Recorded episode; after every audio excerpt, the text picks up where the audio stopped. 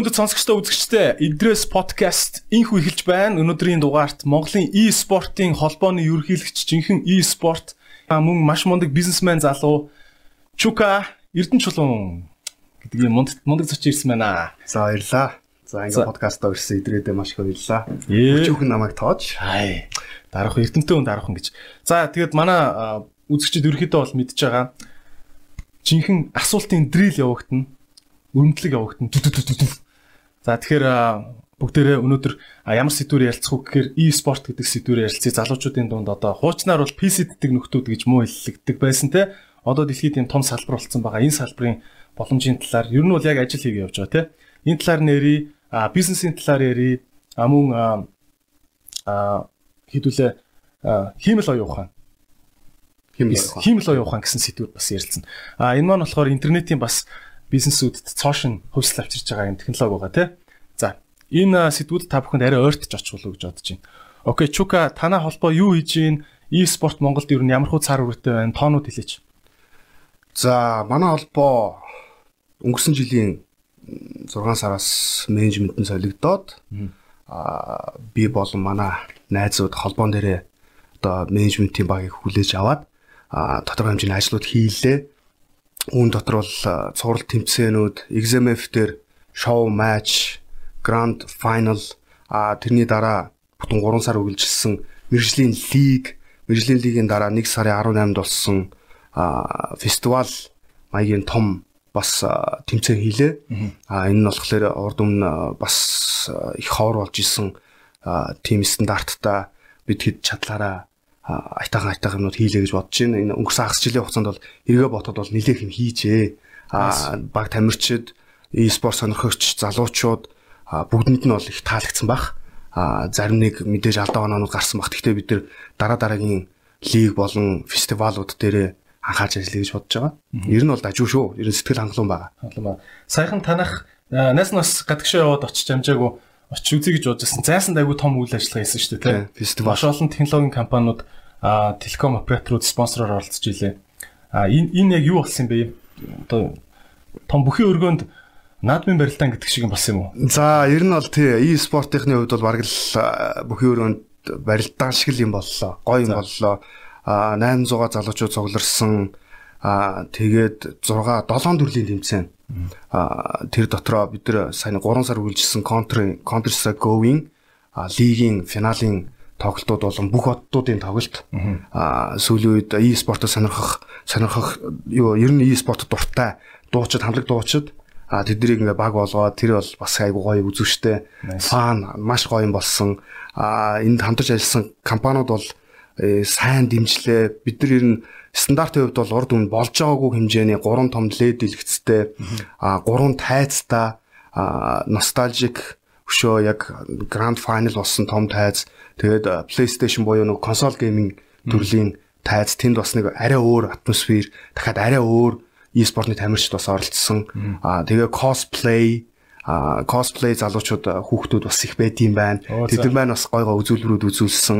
А ер нь бол өглөө эхлээд орой нэлээ орой дуусахад бол залуучууд ирж үзсэн залуучууд бол хинж гарч яваагүй тийм хэмжээ наадан болсон. Дижитал наадан боллоо. Тэгээд бас компаниуд бол өөр өөрсдийнх нь шинэ гарч байгаа бүтээгдэхүүнийхэн танилцуулга өөр өөрсдийн бас хэсэг боломжтой Volume Plus-ийн бас гоё Sega авчирсан бүр дээр үе 90-ад оны Sega авчирсан тэнд одуудтай ингээд хүүхдүүд ингээд мортолдоод айгүй гоё гоё болсон. Ер нь бол залуучууд ирээс уйдаагүй бүгдэнд нь их тааламжтай байсан байх гэж бодож байна. Nice. За e-спорт гэдэг зүйлээ хоёлоо бас нэлээ ойлголцож авъя гэж бодож байна л да. Би бол яг хөө мэдээж чамаг найз гихгүй инэрлэхүүгээр асуултууд асууна. А e-спорт гэхэр ер нь бол ийм байдаг те. А наа чи худлаа нөгөө PC ддэг гарууд одоо өөрсдийгөө л e-спорт гэж ярьдаг. гэдэг зүг. Энд чи юу гэж хариулах вэ? Гэхдээ би энийг бол арай өөрөөр хэлж болно гэж бодож байна. E-спорт хамгийн гол нь e-спортоор хичээл мэрэгжлийн төвшөнд өрэхэд бол гэр бүлээ тижээгээд аваад явах боломжтой болчихлоо. Нэг үе яваад бол. Одоо 10 жилийн өмнөхийг бодвол цалин маш өндөр байна, шагналын сан маш өндөр байна. Үнэхээр хичээгээд үнэхээр дэлхийн топ ч юм уу олон улсын топ баг болоо явахад бол ер нь бол дундаж амьдралаас дээгүүр амьдрах боломжтой болчихлоо. Энэ тэгээ дээрэс нь 16-аас 25 насны буюу их залуу үеийнхэнд ийм таата боломжтой болж байгаа болохоор би энийг бол илүү спорт тал руугаа болчлоо гэж харж байна. Ер нь бол ямар нэгэн зүйл дээр мөнгө ороод ирэхэд бол энэ цаашаага ингээд спорт ч юм уу альсвал ингээд амжилттай хүрэхтэй entertainment бүх юм ингээд шал өөр болоо явчихдаг.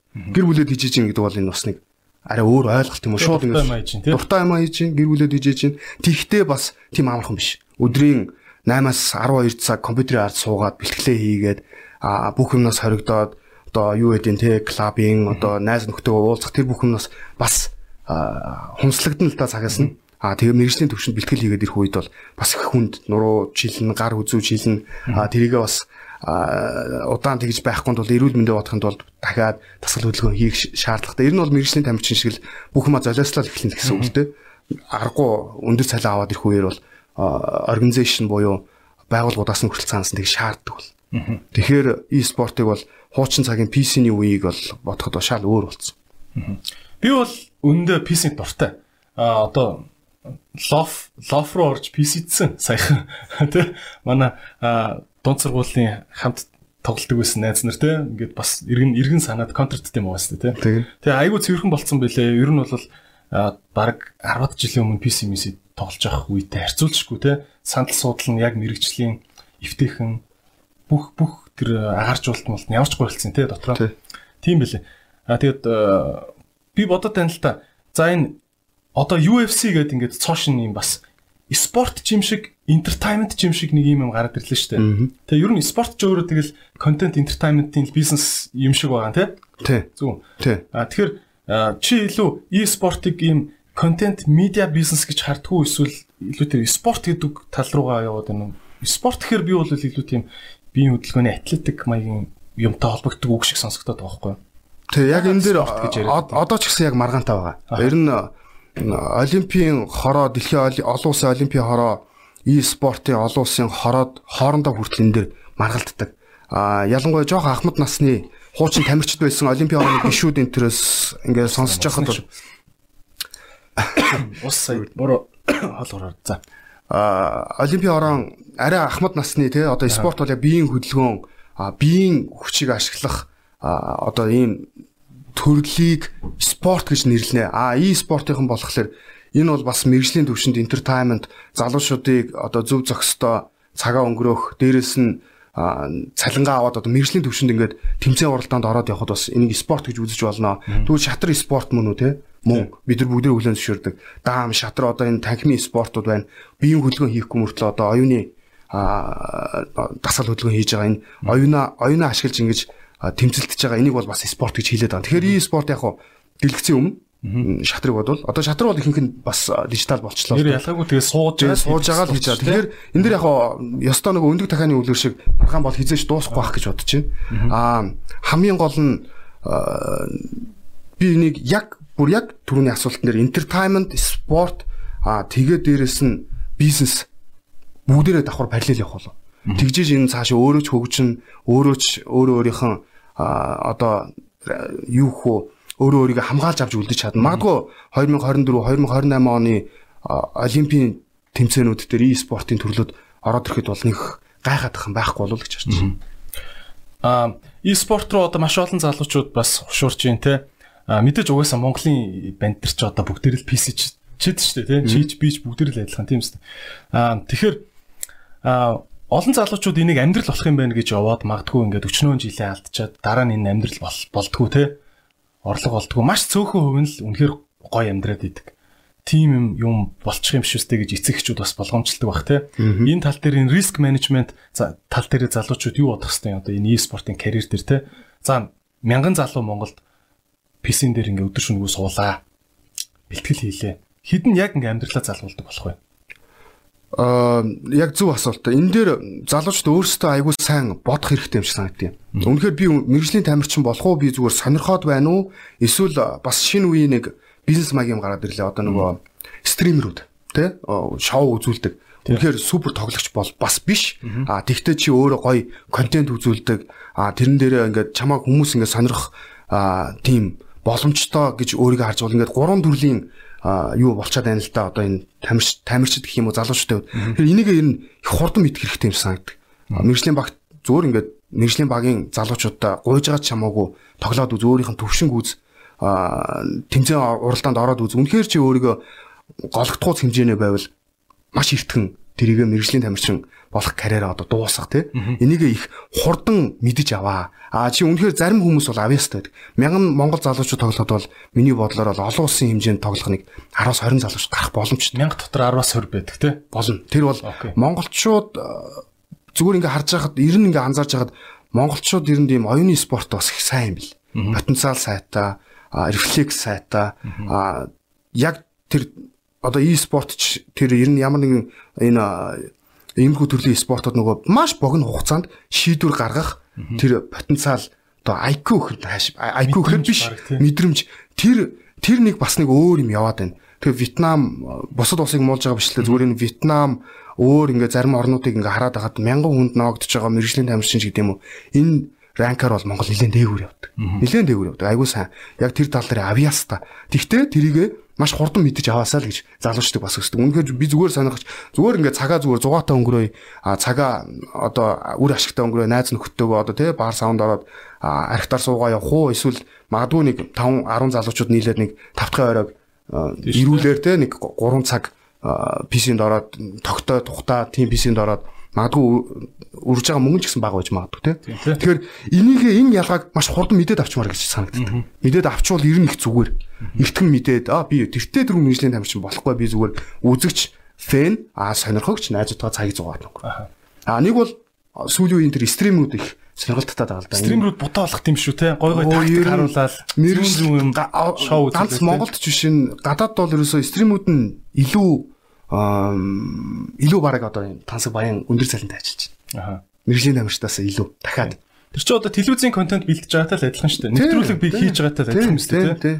Аа. Одоо тоглоомын баатруудыг ашиглаад нэвтрүүлэг хийж нэвтрүүлэг хийж гин гэсэн. Тийм. Дундуур нь тэ өөрсдөө гой гой юм ярьдаг юм шиг байна тийм. Тэр үзэгчнэр татахын тулд яг үнэ яг үнэ тэгжиж тэр хүнийг олон хүн зэрэг үзэх тэрүүгээрээ буцаагаад өөрийгөө өөрийнхөө контентыг зарж борлуулж ийн л гэсэн. Монгол тийм алдартай стримерүүд байна уу? Бага бага. Монголд одоо Gramix гэдэг залуу байна. Gramix-ийг бол ерөөсөө яг бүх залуучдын хүн. Тийм YouTube-ийн мангар од гэсэн тийм. Оо амар юм билүү. Би би бид нар чинь бол одоо харьцангуй нас мас яваад тиймэрхүү юм үзээд байгаа. Миний подкаст интро хажууд нь ээ баг ойлгох. За одохгүй тэгээ Gramix гүйцээсэй гэж хүсэж байна. Аа барахгүй хөө. Тийм гэхдээ тэр айгу cool гэдээ би сонсч байсан. Тэгээ Gramix айгу cool guy. Сая тэр манай фестивал дээр ирээд а нөгөө бүх одын тоглолтын дээр нь оролцлоо. Gramix дахиад нөгөө бид бас панел хилцүүлэг явуулсан юм салбар салбарын өөр өөр салбарын тэгэхэд манай холбоонд байдаг залуучууд энэ тийм панел хилцүүлэг яваад ерэн зөв буруу а юу нь хэрэгтэй юу нь хэрэггүй юун дээр анхаарах уу те e-спорт гэж яг юу вэ? Та нарын хувьд одоо яг e-спортер хичээлдгүй мөртлөө энд нэг тодорхой хэмжээгээр одоо ингээд бас ингээд хутгалтцсан оролцсон тийм залуучдыг ингээд панел хилцүүлэг дээр гремикси ярьжсэн тэр их таалагдсан л да. Яг Гол гол поинтууд нь юу байсан бэ? Ерөөсө Gramix бол яг түрүүний миний хэлдэг тэр яг миний толгоонд их тод үлдсэн байна. Мэргэжлийн тамирчин болох болох уу? Аа би зүгээр зүгээр сонирхогч байх уу? А би стример стример болох уу гэдгээ их хурдан мэдээд авчихаа. Мэдээл гэж тийм. Тэр тэрнэр бити цаг алдаад их юм бол яг одоо өөр чин хэрэгтэй залуунаас богинохон. Тэгэхээр энэ дээр сайн анхаарч ажиллаараа залуучтай гэдэг энэ их энэ их зүйл санагдсан. За одоо ийм багт байна л та. За UFC гэд зодтолдог те cage fight зүгээр торон дотор орж зодтолдог спорт шүү дээ. Аа хатуу дүрмтэй. Энэ бол нэг бодлын зүгээр зодооны спорт харуулдаг юм шиг мөртлөө нөгөө талаас айгүй их шоумен явж идэг те. Айгүй шоу ингээл худлаагаасаа хэрэлдээл би энийхээ автобус руу сандал авч шидэж шүүх хурал мурл болоод ингээл шоу ч юм шиг жинхэнэ маргаан ч юм шиг ингээд entertainment болчихлоо шүү дээ. Тэр салбар нь өөрөө те. Аа ингээ харагдахад тийм байгаа тань л да ийм ийм спортын салбарын одууд нь бүр тасарсан орлоготой. Одоо жишээ нь Conor McGregor а Habib Inter бол зүгээр 20 саяас дээш доллараар ярьж байхад тэр хоёрын зодооны панчаан зодоон зодоон чинь хамраа углуулчингуудаа 20 мянган доллар авсан байгаа хөөхгүй тий. Тэгэхэд нөгөөдөл нь зодуулсан ч гэсэн 20 сая хамгийн багтаа авна гэдэг ч юм уу тий. Ингээд ийм орлогын амар супер ялгаа үүсдэг юм шиг харагдсан. Танаас салбар дээр иймэрхүү байдаг уу эсвэл бас дундаж давхраг гэдэг тийм байгаа. Яг үтц байна уу? Тий, яг entertainment-ийн салбар дээр байж байгаа. Хаас хаас агуул байт юм байна. За. Одоо Dota-гийн бүр мондөг супер стар баг байна л да өвж өвж явах. Тий, би одоо би Dota-г сайн мэдгүй уучлаарай. А тэднийх чи 2 жил нөгөө TI гэдэг International TI гэдэг тэмцээнд 2 удаа дараалал төрүүлсэн байна. Тэгэхэд нэг тэмцээнээс чин төрүүл шаглалын сан 30 хэдэн сая доллар гэхээр Тэгэл хуваагаал ингээл авахаар нэг зүгээр нэг тамирчин бол 500 сая доллар авчиж байгаа. 20 та залуучууд. Тэгэнгүүт тэрний доошогоо тэр багийг одоо хизээж хождггүй ч юм уу тэнгүүт айгүй ингээл илт доошогоо бол топ 10 та багч чаганууд нь яг харьцангуй айгүй топ 100 гэхэд бол хамаагүй баг болол. Хэв хэдэн доллар авах уу? Топ 100-д оржвэл шагналын санг бол хэлэхэд хэцүү. Мэдээж олон тэмцээнүүд байгаа. Тэндээ ороод заримдаа топ 100 дахь баг нэгдүгээр багийг хожоод гараад ирэх төрүүлээд гараад ирэх боломжтой.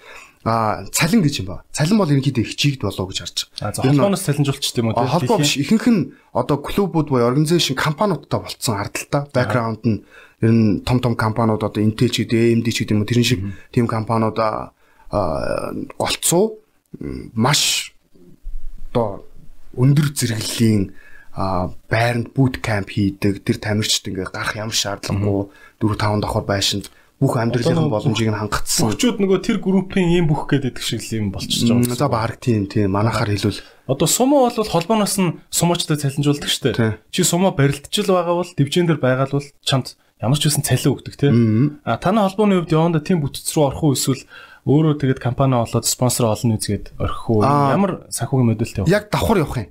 Бид хэд бол харьцангуй холбооноос бол цалин өгöd авах хэцүү мэдээж дөрөв бос байгуул гэдэг утгаараа бидний хамгийн гол зорилго бол нөгөө тамирчтай ялангуяа мэрэгжлийн тамирчтай байнгын лиг тэмцээнтэй байх гэж байгаа. Байнгын лиг тэмцээнтэй байгаад зориод ирэхээр нөгөө тамирчдын нэгдүгээр ур чадвар болон багийн төвшин сайжирна. А хоёрдугаарт байнгын шагналын тэрийг тийм байнгын шагналын сан спонсорудаас бүрдэн янз бүрийн бид нар бас үйл ажиллагаа хийн ашигын бус ч гэсэн аль болох тамирчтай ингээд. А тэр нөгөө ерөнхийдөө орчны сан бүрдүүлж өгье гэсэн зорилготой. А сая яг энэ лиг 3 сарын лиг явхад нийтдээ 12 багийн хооронд ингээд яг нөгөө хөл бөмбөгийн премьер лиг шиг ингээд явсан. 12 багийн хооронд яваад ингээд ингээд тасагтаад ингээд тойргоор тоглоод. Энэ хооронд анх тэмцээн эхэлж байхад бол нэг лөө нэг баг л одоо нэг тийм жижиг организашнтай байсан, арталтай бэкграундтай байсан. Тэгээд тэнд лиг дуусаад ингээд 6 баг нь спонсорт болчихсон. Оо nice. Тэгэхээр яг энэ цаавар юу хэлээд байна вэ гэхээр а үнэхээр ингээд ажлын байр нь байж ах юм бол а одоо яг бусад компаниуд ч гэсэн жоохон ойлгодог болж эхэлж байна. А сайн багууд сайн багуудаа спонсорлоод өөрсдөө нэгдүүд маркетингаа хийж чинь а e-спортын багтаа байна гэдэг бол нэгсэн доо цаана тэр компани бас арай кул статустай юм уу гэж харагдаж байгаа орчин үеийн тий. Залуу компани одоо технологийн компаниуд технологийн компаниуд спонсорлдог. Жишээл Mobicom-ын Unitel-ийн ч гэдэг юм уу тий Skylink баг байлаа гэхэд тэр баг магадгүй ингээд нэг хагас жилийн дараа олон улсын тэмцээнд ороод ингээ явхад бол тэр компани л нэр гараа явна. Ойлгомжтой тий багийн гэхээсээ илүү. Аа тэгээд гадны лигүүд энэ төр бол бүх багууд бол бүгдээ ардталт организашнтай болцсон. Цалин нь одоо жилийн сая доллар ч юм уу тий. Тэр нэг тамирчны сая доллар. Энэ бол энгийн үзэгдэл болцсон. E-спорт төр Америкийн хотууд бол ихэнх нь одоо нөгөө e-спортын ордонгууд бариад эхэлчихлээ л дээ. Нөгөө яг А тийм нэг амар том стадионууд харсан тий. Тэд нэр нь яг л одоо LA Lakers-ийн стадион шиг тийм бүр шаардлага тавиад эхэлсэн. Лиг та нарт одоо танаа хот өөрсдийн гэсэн багтаа болоод энэ лигт орох юм бол заавал стадионо байраа. Нисч очоод тамирчд очоод лигийн тоглолтоо хийдэг. Ингээд ингээд яг л одоо нэг саксны юм шиг болоод сакс үздэг шиг яг л тийм байна. Хоёр баг хоорондоо контрч байгааг харах юм биш тий одоо үзнэ гэсэн үг тэнд тэгэл стадионд хүмүүс суглана тэнд чинь ганцхан ингээд нөгөө саксыг бодвол нэг дижитал спорт гэдэг утгаараа entertainment хийхэд маш хялбар маш баян. Юу л бол юу гэж болно. Одоо солонгосын тэр том том тэмцээнүүдийн нээлт хаалтууд бол ер нь бараг л одоо олимп шиг л юм болоод байгаа байхгүй. 3D-гээр 4D-гээр ингээл дуучт муучт гарч нөгөө хүүхэлдэйн тайзан дээр ингээл гараад тэгэл нөгөө BTS, MTS солонгосын K-pop одууд нь гарч иж дуулдаг. А өөрөөсөө бүр тэр тэр тэмцээний фестивалийн тайзан дээр гарч дуулах бүр юм дуртай байдаг. Илүү ингээ фэнүүд нь хүртэл ингээ галзуу. Нь шал өөр болоод байна л да энэ e-спортыг насны хувьд дандаа юм 18-аас 25 насныхны юм болцоод байна уу эсвэл ер нь демографик нэрээ өөр харагдаад байна уу? Залуу яа харах байхгүй залуу. Аа HippoCards үг цээжилдэг аппликейшн. Ер нь зүгээр ингээд зүгээр л миний бодол. Нэг арай өөрөөр харж магадгүй. Яг нь лежендүүд байна. Одоо үнэхээр 20 жил контр тоглолцсон саяхан тэтгэвртэй энэ төр гарч байгаа. Одоо бидний үеийн лежендүүд байгаа. Одоо Forest Morris тэгээд бас л наач ингэ сахал махал бүр ургацсан. 40 төгсөж байгаа залуучууд байгаа. Аа гэхдээ цөөхөн. Ер нь бол мэдээ залуу хүмүүсийн рефлекс хурдан байна.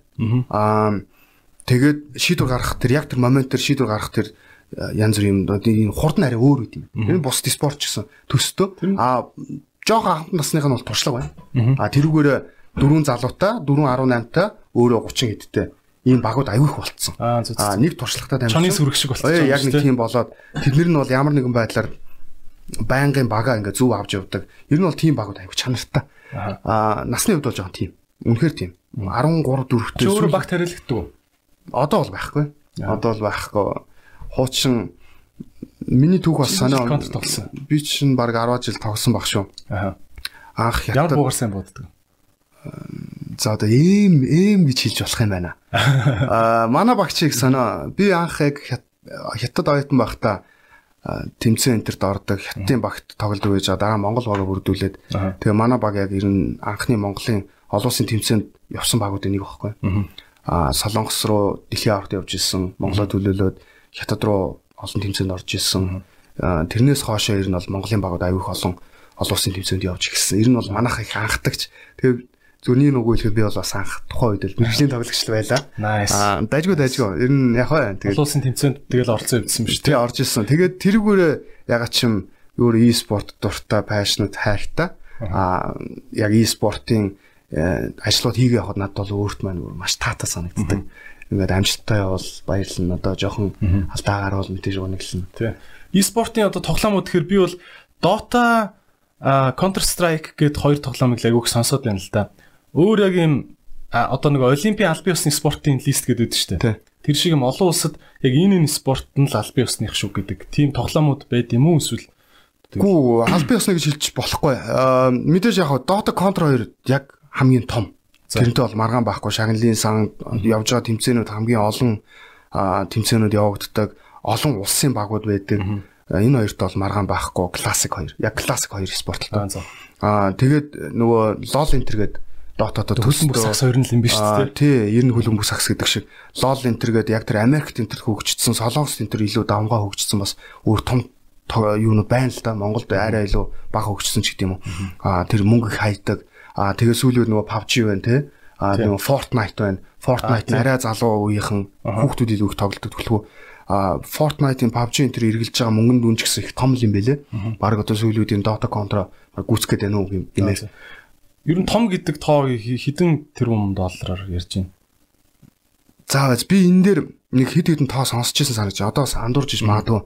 Аа одоо яг яг e-спортын дэлхийд эргэлж байгаа e-спорттой холбоотой мөнгөнд дүн 2 тэрбум гэсэн үү доллар гэж яригддаг баха. Нилээн том тоо сонсогддог. Тийм их мөнгө л одоо шагналын санд ингээд шагналын сан тэгэл тоглоом худалдаж авч байгаа. Аа e-спорт айгу сонио аа, бусад спортыг бодвол хамгийн том цар хүрээтэй юм болов шаарддаг. Ер нь нөгөө голцоо бүх дэлхийд ирэх нөгөө 7 тэрбум хүний тал нь эрэхтэй хүмүүс. Аха. Тэр тал эрэхтэй хүмүүс ямар нэгэн байдлаар ямар нэгэн байдлаар компьютер тоглоом тоглож өсдөг. Тийм тий. Тийм. Бүр ямар нэгэн Боли байдлаар Tetris үстэй. Боли Tetris Mario одоо юу гэдэг бидний үед Mario гэдэг. Тэгээ сүүлийн үед ингээд PUBG Mobile бүх юм айгуу сайн хөгжсөн. Тэгээ зүгээр боли Candy Crush. Аа. Энэ өөр бас зүгээр яг электро спортын нэг төрлийн тоглоом. Тэгээд тэгэхээр цар хүрээний хувьд бол асар том. Эргэлж байгаа мөнгөнд дүн яг 2 тэрбум гэдэг магадгүй мэрэгжлийн спорт гэж байна. Аа түүнээс ингээд нөгөө Candy Crush энэ төр шиг нөгөө том том компаниуд гаргацсан тоглоом тэрийг яах юм бол одоо 20 30 Холливуудыг гүйцсэн ч гэдэг л нэг тийм би тоо сонсч ирсэн. Тэрнээс хамаагүй их баха. Магадгүй магадгүй би энийг эргэж харъя бас мартсан байна. тийм. Яг мэрэгжлийн спорт нь бол том 2 тэрбум гэж сонсч ирсэн. Одоо яг Counter Dota тий яг том том лигүүд явагддаг энэ 2 тэрбум гэж сонсч. Монголд ер нь юу вэ? Аа Монголд байгаа e-спортын тамирчид олон улсын тэмцээн дээр очиод чаглалын сангаас нь зулгааж нэг мөнгө олж олж чинь те. А эсвэл YouTube дээр стрим хийгээд олон хүн үзээд реклам явуулаад YouTube-ээс мөнгө олж олж чинь. А эсвэл Монголдо тэмцээнд оролцоод шагналын сангаас нь мөнгө олж олж чинь. Монголоосоо компани спонсоршип аваад цалинтай байж болж чинь. Гэ ингээд би одоо нэг дөрвөн л орлогын үүсэр Тий. Ойлгож авчаад байна л да бид хоёр ярианаас цаашаа явуулвал өөр ямар Цаашаа яг одоо ерөнхийдөө юу яаж болно? Зүгээр ингэж харагдана. Ер нь яг e-спорт ингээ Монголд нэлээд сайн хөгжөөд яг үнэхээр жинхэнэ утгаар entertainment болоод ирэх үеэр бол аа яг тоглогч нар үүрсэн одод бол. За. Магадгүй нэлээд тийм царайлаг спортын нэг 20 залуу байлаа гэж бодъё. А тэнгуүтээ сайн стример, сайн тамирчин Подолко зарж болж байна. Тий. Аа өөрөө тийм merchandise Instagram, Facebook яваад бол чинь тэрүүгээрээ компаниудтай харьцаж юм хүмүүс сурталчилдаг тий. Одоо маус одоо технологийн компаниуд байна шүү дээ. Янз бүрийн компьютерийн дээр орж тэрийг ингээд сурталчилдаг. Тэрнээсээ цалин авдаг. Яг нөгөө бусад олон улсын хэмжээ ч юм уу Монголын урлаг урлагийнхантай жоохон төстэй маягаар яг бүрэн боломжтой. А тэр дундаа эмгтэй тамир шүү дээ. Бүр их боломжтой юм байна. Тийм. Манай Монголын хоёр эмгтэй баг үүдийн контри миний мэдхийн. Мангар секси юм шүү те. Аа тэгээд тэр нөгөө Unitel-ийн нөгөө Jigchug гэдэг аппликейшн дээр сүүлийн үед бас нэлээд бүүн болоод байгаа аппликейшн дээр эмгтэй тамирчд а тоглолтоо оруулаад стриминг хийхэд бол үзэгч аягүй их үед юм байлээ. Нэр тийм зураг харсан биш үү? Нэг. Европын охтууд байсан те. Нар царилын охтууд. тэд нар чинь бүр ингээд тэлсэн те. яг тэр community дотор бол үнээр яг одоод байгаа байхгүй. Байна. Хятадын байна. Тий. Яг Эмгтэй багууд бол аягүй боломж өндөртөө. Аа тэгээд сая манай энэ 12 багийн лигт нэг эмгтэй баг гэсэн. Нэр компьютер дээр эмхтэй эрхтэйгээр ингэж хуваагдт юм уу? Шууд эрхтэй хүмүүсийн багтай охтууд алцах уу? Тий манаас сая яг 11 эрэгтэй баг нэг эмгтэй баг шууд эрэгтэй багуудтай тоглосон. Ер нь дэлхий дээр ингэж гоо эмхтэйгээд эмгтэй тэмцээн явдаг. Яг тийм үү? тусдаа эмгтэй тэмцээн явдаг. Гэхдээ зарим эмгтэй багууд нь шууд эмгтэй багуудаа голоо шууд эрэгтэй лиг рүү өнтер ордог тийм тохиолдол байдаг. Байдаг байдаг. Нүнд адилхан гартаа хөлтөө нүдтэй Тийм тархитаа тэгээ я- Яг ирчүүд нөгөө багасаа охтуудыг бодвол багасаа PC тэх нь их байдаг байж Аа одоо сүүлийн үед а ерөөс хүүс нь ялгаа байхгүй болцсон. байхгүй болсон. Тийм зарим нэг миний сонсч байсан Норвегийн билүү нэг хоёр эмэгтэй тамирчин байд юм бэлээ. Ер нь бол баг эрэгтэй ч тоглолдог. Норвегийн Сканди орнуудаар бол e-спорт бол бүр дээд зэгтээ хүртэл хөгжсөн. Солонгос хөгжсөн, Америк хөгжсөн. Солонгост бол тэгдэм байлээ те. Оюутан охтууд нь хичээлийнхаа дундуур ингээд оюутныхаа хотхон дотроо PC-тэй те. Тийшээгээ орж 2 цаг PC-чэд гарч ирлээ мэрлэг Тийм яриасан тийм. Тэр яг бүр юм уламжлалт маягийн спорт болцсон нөгөө юуч Starcraft. болоогүй нэг кофе шоп цуужгаа гарч ирлээ гэж юм шиг. Тий. Тий. Хандлага нь. Солонгос бол ерөөсөө тэр нэг тийм e-спорт хэд бол одоо нэг юм шин юм бол биш болцсон.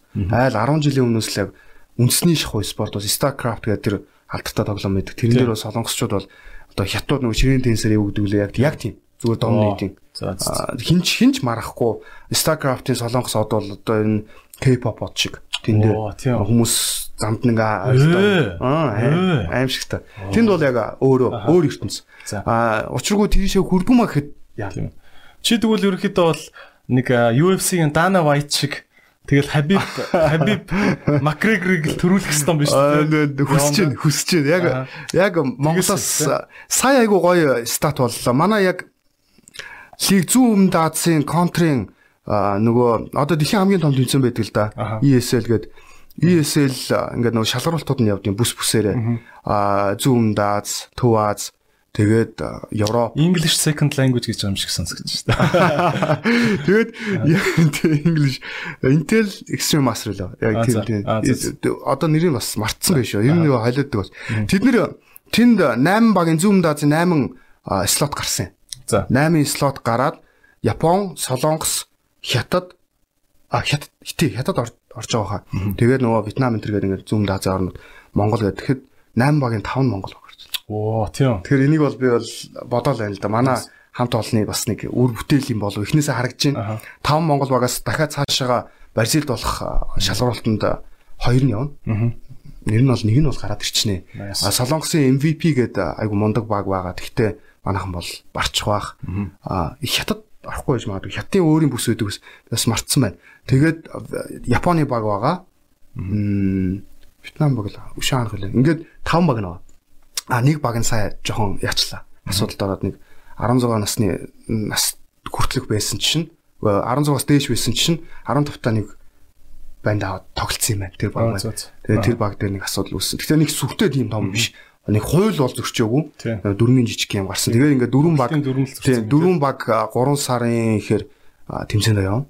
Аа тэгээд ер нь бол амжилттай шүү. Яг манай нөгөө лигийн багууд Одоо маань. юу байгаад штэ. Аа би бол комедиор мэдээд байна л да.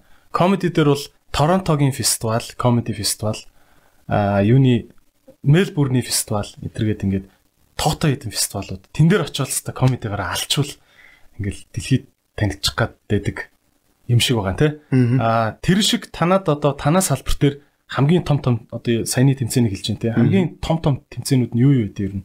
Мм, Хаана хаана болт юм? За яг энэ нөгөө ESL бол нөгөө жил болгон жилд 2 удаа болдог. 2 удаа болдог баха.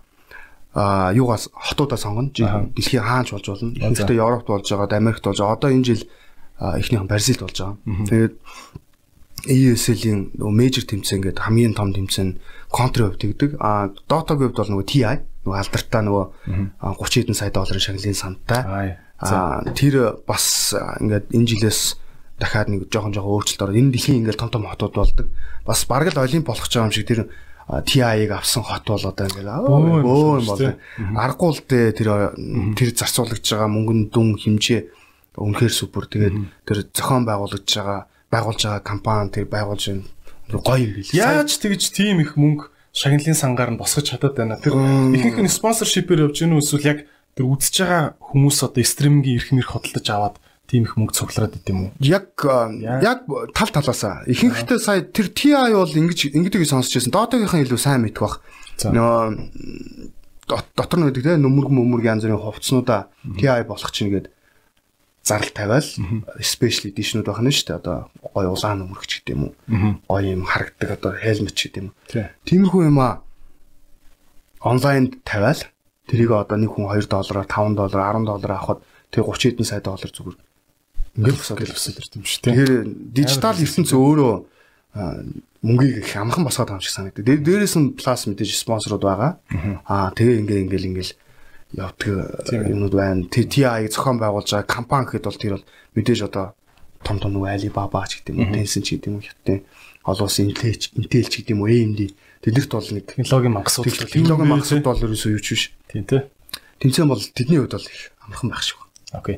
За манай подкастыг сонсож байгаа хүмүүсээ Идрээс подкаст өнөөдөр айгүй сонирхолтой зочинтой явж байна. Эрдэнэ чулуун Чука Монголын e-спортын холбооны ерөнхийлөгч мундаг бизнесмен залуу байгаа. Баярлалаа. Өнөөдөр бит хоёр e-спорт, бизнес, химэл оюун ухаан гэсэн ийм технологи тойрсон сэдвүүдээр ярих болно. Сонирхолтой байгаа. Тэгээ та бүхэн таалагдж байгаа бол share share share share хартлан share. Тэгэд өнөөдөр бас би бас YouTube суугаа хөгжүүлэх гээд ингээ бас хичээгээд байгаа байхгүй тий. Тэгэхээр миний YouTube суугийг бүгдээрээ дэмжээсэй гэж хоёул хамт нэг залбирч байгаа. За, за баярлалаа та бүхэндээ. За яриага цаашаа үргэлжлүүлье. Аа Чуг ойлоо бас надад энэ e-спорт гэдэг сэдв айгу сонирхолтой хэвээрэл байгаа тань л да. Гэтэ бидэрт маш э, их хангалттай цаг байгаа. Дараа нь өөр сэдвүүд рүү орё гэж бодож байна. За олон улсын ингээд холбоодууд ингээд байгуулагдаад одоо ингээд саксны холбоо хоёр хуваагдсан ч гинөө би ингээд тиймэрхүү юм айгуг сонсдог байхгүй. Тэгээ олон улсын холбоо нь болохоор үгүй та нар дотроо уучраа олцоод нэг нь хурж ирэх гэдэг ч юм уу те. Танахтаа бас юм параллел жижиг сажиг өөр холбоо молбоо байдаг уу? Танах яг ингээд яаж одоо энэ монголчууд юм болохоор хоёр хуваагддаг шүү дээ Манай комеди хүртэл мэдж байгаа зү тээ. Юу юу манай харьцангуй яаж харьцангуй open minded байгаа. За. Аа ямар ч яг энэ e-спорттой холбоотой тэмцээн оролдоон ч гэдэм үү ямар нэгэн юм хийх гэж байгаа залуучууд компаниуд байвал ерөөсөө нээлттэй. Аа нэг холбоог одоо нэг амар том зах зээл биш юм чинь бид нар ерөөсөө дээрэс нь community өөрөө их нэг айхтар бас том биш ээ. Яг мэрэгжлийн тамирчдын хувьд. Тэгэхээр бол хин юу хийж чадж байгаа тэр нэгдэл хамтраал бидний зүгээс одоо ямар дэмжлэг тусалцаа амаар байна айсвал биднэрт ямар дэмжлэг тусалцаа хэрэгтэй нь шууд нээлттэй л байгаа да. Айхтар одоо э, танаа холбоо манай холбоо гэсэн юм байхгүй. Одоо жишээл тэн тим их чинь алуу бид нар яах вэ? Яаж өгөх үү? Юугаараа одоохондоо кул байгаа ч гэсэн тэгэл явандаа нэг бүдүүн дарга нэрэл одоо энэ холбоог чинь би өдөртнө гэл ингээл хэрүүл маргаа гайгүй гайгүй. Чи тэгж яаж байгаа юм? Тийм бол гайгүй л гэж бодчих. За. Тэртээ тэргүү харьцангуй манай удирдах зөвлөлийн залуучууд гэсэн дандаа кул залуучууд байгаа. А үнэхээр удирдмаар байвал бид нэр ингээд дотроо сонгуулаа сонгуулаа явуулаад хин ч журмаа одоо яа гадны холбоотуудаас суулж гэнэ эсвэл өөрсдөө ингээд зөхиож гэнэ үү? Бид хэд нэлээх олон бас хүмүүсээс туршлага судалсан. Спортын менежментийн чиглэлээр сурч төгссөн залуучууд олон улсын бас яг энэ e-спортын холбоод яаж явж байгааг нэлээд судалж байгаа. Тэрийг бас харцангуй чамбай аим гарахыг хичээсэн засах залруулах нь бол байгаа л бох. Тэгтээ гайгүй. Ер нь бол дайжгүй шүү. Аа. Танай холбооны одоо гişүүд дотор эмгтэн хүмүүс хэр байна? Хүс харьцаа. Э, Аа манайх донд бас хэд байна? 11 удирдах зөвлөлийн гişүүдтэй 2 эмгтэн гişүүнтэй. Аа одоо лофын бүртөө мань байгаа. Аа бас Америкт ажилдаг Ариун Заят гэдэг ихч байгаа. Аа тэр ихч айгу кулээ. Одоо 60 60 хүрж байгаа мөртлөө зөвхөн хийдэг юм e-спорт. Мэдээ мэдээ бэлтгэдэг e-спорт а сегмент нөлөөгөө тим юугаа яадаг. Тэгээд бусдын залуучууд байгаа. а ер нь аль болох хүүсийн харьцааг тэнцвүүлэхийг хичээж байгаа. Гэхдээ яг энэ passionate дуртай хүмүүс бас орох нь илүү чухал. Одоо ингээд юу ч ойлгохгүй бас хитрхи ингээд бас зарим холбоонд ингээд хитрхи ингээд янз бүрийн хүмүүс оролцсон байдаг шүү дээ. Тийм байх. Нам шиг сонирхол. Яг илүү ингээд энийг ойлгохыг хүсдэг дуртай аа тийм залуу шүү дээ. Окей. А танай холбооны одоо ингээд community гэж яриад байна л да. Энэ community гэж яг юугаа хэлээд байгаа? Яг холбоонд ч аль биесээр ингээд ингээд илсцэн тийм мембрүүд хэлээд байгаа мó эсвэл зүгээр Гэт найз нөхдөд хүмүүс юм уу? Үгүй яг хоо яг саяны түрүүний хэлгээр нөө өдөртөх зөвлөхээр бол аль бие ясаар хэлсэн. Аа community гэдэг нь болохоор яг энэ e-спортын тэмцээн уралдааны ингээд алгасахгүй үздэг залуучууд өөрсдөө тэмцээнд ордог. Аа бид хэдийн зүгээр давхарцсан тоогоор бол 100-аас 200 мянган залуучууд байна гэж Монголд. Nice. Тэгэхээр бас том тоо бүгдээрээ л бүгдээрээ л нэг 7 хоногт нэгээс 2 удаа PC ордог ч юм уу тийм? Найзуудаараа нийлээд ингээд цагийг өнгөрөөдөг. Аа нэг бол тэмцээнд ордог. Ингээл ингээл ингээд мэржлийн болон мэржлийн бус сонирхогч бид нар бас нэг комедиг амар идэвхтэй үздэг. 300-аас 500 мянган хүн байт юм болов уу гэж баримжаалдаг байхгүй байгаа байгаа байгаа тийм ээ тэгэхээр баримжаалагдчих шүү. Аа Монголын гой гой уламжлал басан том том тэмцээнүүд очиж үзье гэвэл хизээ хизээ болох уу?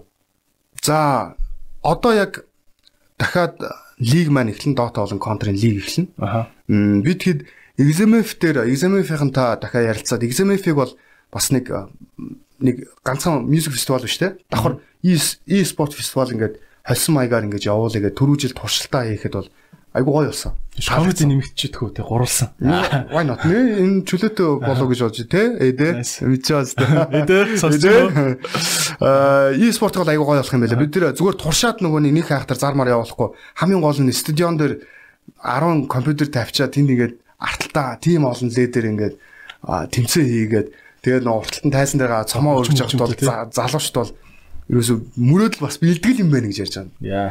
Цэнгэлт хүрээлэнд шүү дээ. Контра тоглоо.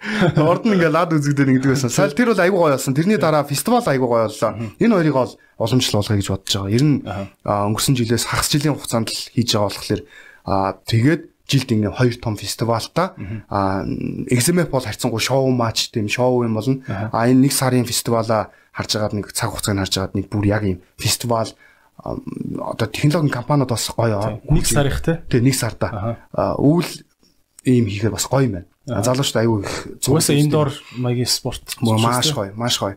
Тэгээд лигүүд маань ингээ явж гин лигийн төгсгөл нь яг ингэж энэ хоёр фестивал дээр финалууд нь яг таарах юм жилдээ хоёр удаа лиг явна. Дота болон Counter. А чадвал бид нар тэмцээнүүдээ нэмэн. Организашн бас хүн хүч хүрэлцэхгүй санхүү мөнгө төгрөг бүх юм шалтгаална л да. Бид нар чадлынхаа хэрээр хүнжлийнхаа хэрээр хөлөж ихгүй бол бас болохгүй. Тийм. Тийм. Ер нь чи ингэж боддөг. Яванда танаа одоо ингэж өстой финалийн хоёр багийг чинь алдсан те.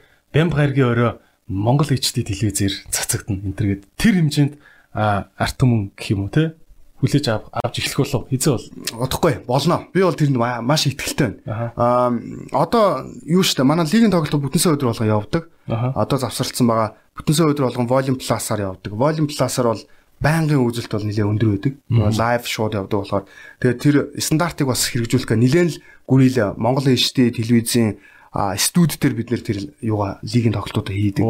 Тэгэхээр студ дээр хийж ихээр тийм технологийн буюу хамгийн л одоо өндөр шийдэлтэй газар стримингийн шилэн капитал оо тийм чадлаараа л сая өнгөрсөн жил үзлээ. Одоо энэ жилээс өшөө сайжруулах юмуд байгаа. Хичээн а Монгол иштэйгээр гарах тэр нэгэн өдөр бол ойлгомжтой ирнэ гэдэгт бол би 100% итгэлтэй байна. А Монгол иштэй бас дэмжиж байгаа.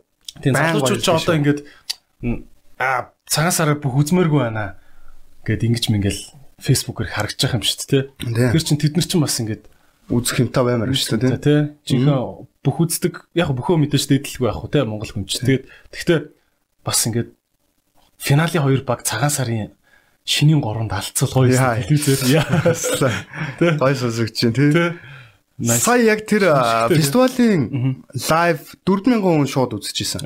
4000 гэдэг тоо чинь бас Монголд бас гайгүй тоо юм байна. Зүгээр e-спортыг 4000 үзсэн гэхээр дотроо бас бид хэд баярлаад байгаа байхгүй. Яа гоё юм бэ. Манай би зүгээр нэг юм хэлчихэ. Аа манай комедигийн big show лайв стрим хийхэд хамгийн максимум нь 20 мянган хүн лайв үзчихсэн. Ваа. Тэгэхээр танах бол удахгүй. Яа тийм тоо хүрээд даваад гарах юм байна тийм. Хүрмээр байна. Энэ өөрөө одоо нөгөө нэг лайв энэ тоо өөрөө 20 бол хүрдэг контентын айгу том үзүүлэлт болчлаа л да. Тэгэхээр 20 хүрчин гэдэг бол яг тийм тийм тоонд одоо хүрхийг хичээн хүрч болов гэж бас гордож чинь. Хүрнэ. Стандартаа сайжруулаад хийгээд бол болох Асуудал хөрнө гэж. А, залуучууд айгу сэтгэл хангалуун байгаа. Ан ч мөрөө өөр оруулж ирээ. Нэг мань юм подкастн дээр нэг мөөлдөг хэсэгт болох. Тэгээ өнөөдөр Мөрөө. Яа, тэгтээ бас сонир болох юм биш үү. Тэгээ дараа залуучуудаа нэг зүйл sorry Чука. Залуучуудаа нэг зүйлийг хэлэхэд яг одоо Чукагийн Instagram-ыг дагаараа тэгээд гоё e-спортын талаар мэдээллүүдийг аваараа. Чука бас нэг зүйлийг хэлэхэд миний Instagram дээр өдрөө болгоо өглөөс ирээд сториг нь үздэг номер 1 хүн. Оо за. Яагаад тэгэхээр Чука амар funny story оруулдаг шүү. Энэ хүн өөрөө тийм хошин шогийн мэдрэмж маш өндөртэй. Би бол бас comedy хийгээсэй гэж хүсдэг. Аа яа. Тэр арай өөр өөр өөр юу баха. Гэтэ чи бол амар хошин шогийн мэдрэмжтэй мангар funny funny story-нууд оруулдаг. Тэгээ Instagram-ыг бүгдээр дагаарай гэж би уриалж байна. Тийм. Instagram дээр бас нэлээд идэвхтэй те. Мм тий ер нь тийш үү. Дуртай. За би нэг энэ e-спортын талаар жоохон нийгмийн талаас бас асууч хэл та. За Facebook дээр нэг ийм зураг би харахгүй юу? Нэг жирэмсэн эмхтэй хөрхий нэг юм модон хаалгатай нэг юм төмөр хаалгатай ч илүү нэг юм царай муутай PC-ний гадаа ингээд өвлийн хүүтэнд нөхөр нь ингээд PC-дэд алга болцсон. Гэртээ ирэхгүй байна гэд том гизтэй эмхтэй ингээд хаалга нүдэж байгаа. Ингээд гомдлсон бахан бич бич юм бичсэн. Тийм юм юу харахгүй юу? Тэрийг амар олон хүн ширлсэн. Нийгэмд ер нь бол яг чиний одоо энэ ажиллаж байгаа салбарыг айгу ах, одоо залуучуудыг одоо тий ажилгүй ингээл PC дотор ингээл твдж идэг гэдэг буруу имижтэй шүү дээ ер нь бол Тий. Тий. Тий. И чи энэ тал дээр үг жодгүй энэ энэ энэ салбарын имижэн дээр юуг анхаарч чинь үнэхээр бас тийм хариуцлагагүй бас стандартгүй PC-нүүд бас байгаа л бах тий. И PC-нүүдтэй ингэж чи харилцаа холбоотой чанараа сайжруулаач, контролтой байгаа ч гэдэг ингэж хамтарч ажилладаг юм байдгүй. Салбар дээр ер нь энэ гол салбарын тоглогч нар хин юм байна. Бол PC-нүүд л гэж хараад байна л да. Тэг PC-нүүд мэдээж чухал роялтай л да. Тэгээд миний зүгээр харж байгаа яг би тэгэд а, чадлаараа PC-нүүдтэй ингээд бас харилцаад юу гэдэг ингээд сертификат энэ төр те одоо стандартын шаардлага хангасан. Энэ өөрөө зах зээл л өөрөө шахна. Ямар ч өөр арга байхгүй. За. Аа Үнэхээр стандарт нь сайжраа зарим бизнесүүд нь бүр ингээд олон улсын хэмжээний бүр маш гой цэвэрхэн ийм болоод ирж байгаад нөгөө бодолдоо байгаад байвал энэ өөрөө зах зээл энийг өөрөө шахаж гаргана. Өөр арга байхгүй. Бид нар хичнээн энийг нөгөө нэг ингээд хотлоо нэг ингээд аа та нар ийм байх хэвээр гэх нөгөө бидний ямар мэржлийн хэлтийн байгуулга биш шүү дээ. Тэгэхээр тэрийг бол бид нар хийх гээд яах ш нэмэр байхгүй. Зах зээл өөрөө л энийг цэвэрлэн янзлан. Аа мэдээж сайн тал муу тал сая бол хоёулаа ярьж байгаагаар бол дандаа сайн талууд ярьлаа. Муу тал байгаа. Хит их цагаа одоо хяналтгүй өнгөрөөдөг. Аа өөр ингэсэн үүрэг хариуцлага умарт тий умартаал тий залуучууд өөрөө зүгээр яхаа одоо ганц би нэг 18 та хүүхэд ингээд магадгүй ингээд боломжтой ч юм уу ийм ажлыг шаардлагагүй энэ тохиолдолд байж болно. А ихнэр хүүхэдтэй болцоод ингээд цаг наргүй өдөр шөнөгүй ингээд байвал бас буруу. Мэдээж сайн та муутай талууд байгаа. Энэ ихтэй харьцангуй гайгүй цөөрж байгаа болоо гэж бас гортоод байгаа. Найдаж чинь бас цөөрөөсөө гэж бодож чинь цагаа зөв зохицуулаасаа залуучуудаас хүсмээр байна. А эн чин а, бас нэг талаараа түрүүний хилдэг мэржлийн тоглогч сонирхогч хоёрынхаа ялгааг аягуулсан ойлгоосоо тий. найзуудтайгаа явахдаа лимит тогтоо тий бүр яг ингээд 3 цаг бол 3 цаг 4 цаг бол 4 цаг тэрнээс хэтрэхгүй ч гэдэм. Үгүй энэ энэ ч яг өөрөөс нь л ухамсараас нь шалтгаална. Тэр тэр ихнэр ингээд яг ганжин байраа зогсож байгаа айсуул ингээ хаалга нүдээс зогсоо. Энэ амар буруу байхгүй. өөрийнх нь л- буруу. Өөрийн ухамсарын л асуудал болоо гэж бодож. Тэгээ энэ цөөхөн багасаа л гэж хүсэж байна. Аа PC-нүүд бол яг л тийм зах зээл л өөрөө. Хүн а, үнэхээр Яг айлч тоглох спорт дээр л байдаг. айлч спорт дээр хүн тата тухта цэвэрхэн аюулгүй одоо тийм газар цагаа сайхан өнгөрөөж те кайф амаар байна уу айсвал ингээл нэг бодоолд ороод ингээл нэг э, нэг одоо те нэг юм хотлаа ингээл хитрхээ дурлцсан хитрхээ одоо донтцсон тийм байдлаар нэг ингээд баймаар байна уу тэрийнхээ ялгаа өөр бол олох болов олсон зүг болов гэж боддог. Айси айси. За окей. А e-спортын талаар бас үргэлжлүүлээд ярмаар байгаа хэдий ч хоёлаа сэдвүү солихгүй бол болохгүй. За Чука маань болохоор бас уул уурхайн бизнес мөн юуны софтвер те IT-ийн бизнес бас эрхэлдэг байгаа те. Хоёлаа уул уурхаагаас нэг халтхыг хэлчихье гэж бодож байна. Тэгээд би чам яг мэднэлтэй Джонш Джонш олборлдог энэ төр уурхаа операт хийдэг те. Джонш гэдэг юм чинь би чамаас л анх сурч илээ шүү дээ те. Джонш гэдэг чи одоо нэг юм гой өнгөтэй чулуу юм л шүү дээ. Чи энэ талаар одоо ойлголт өгөөч.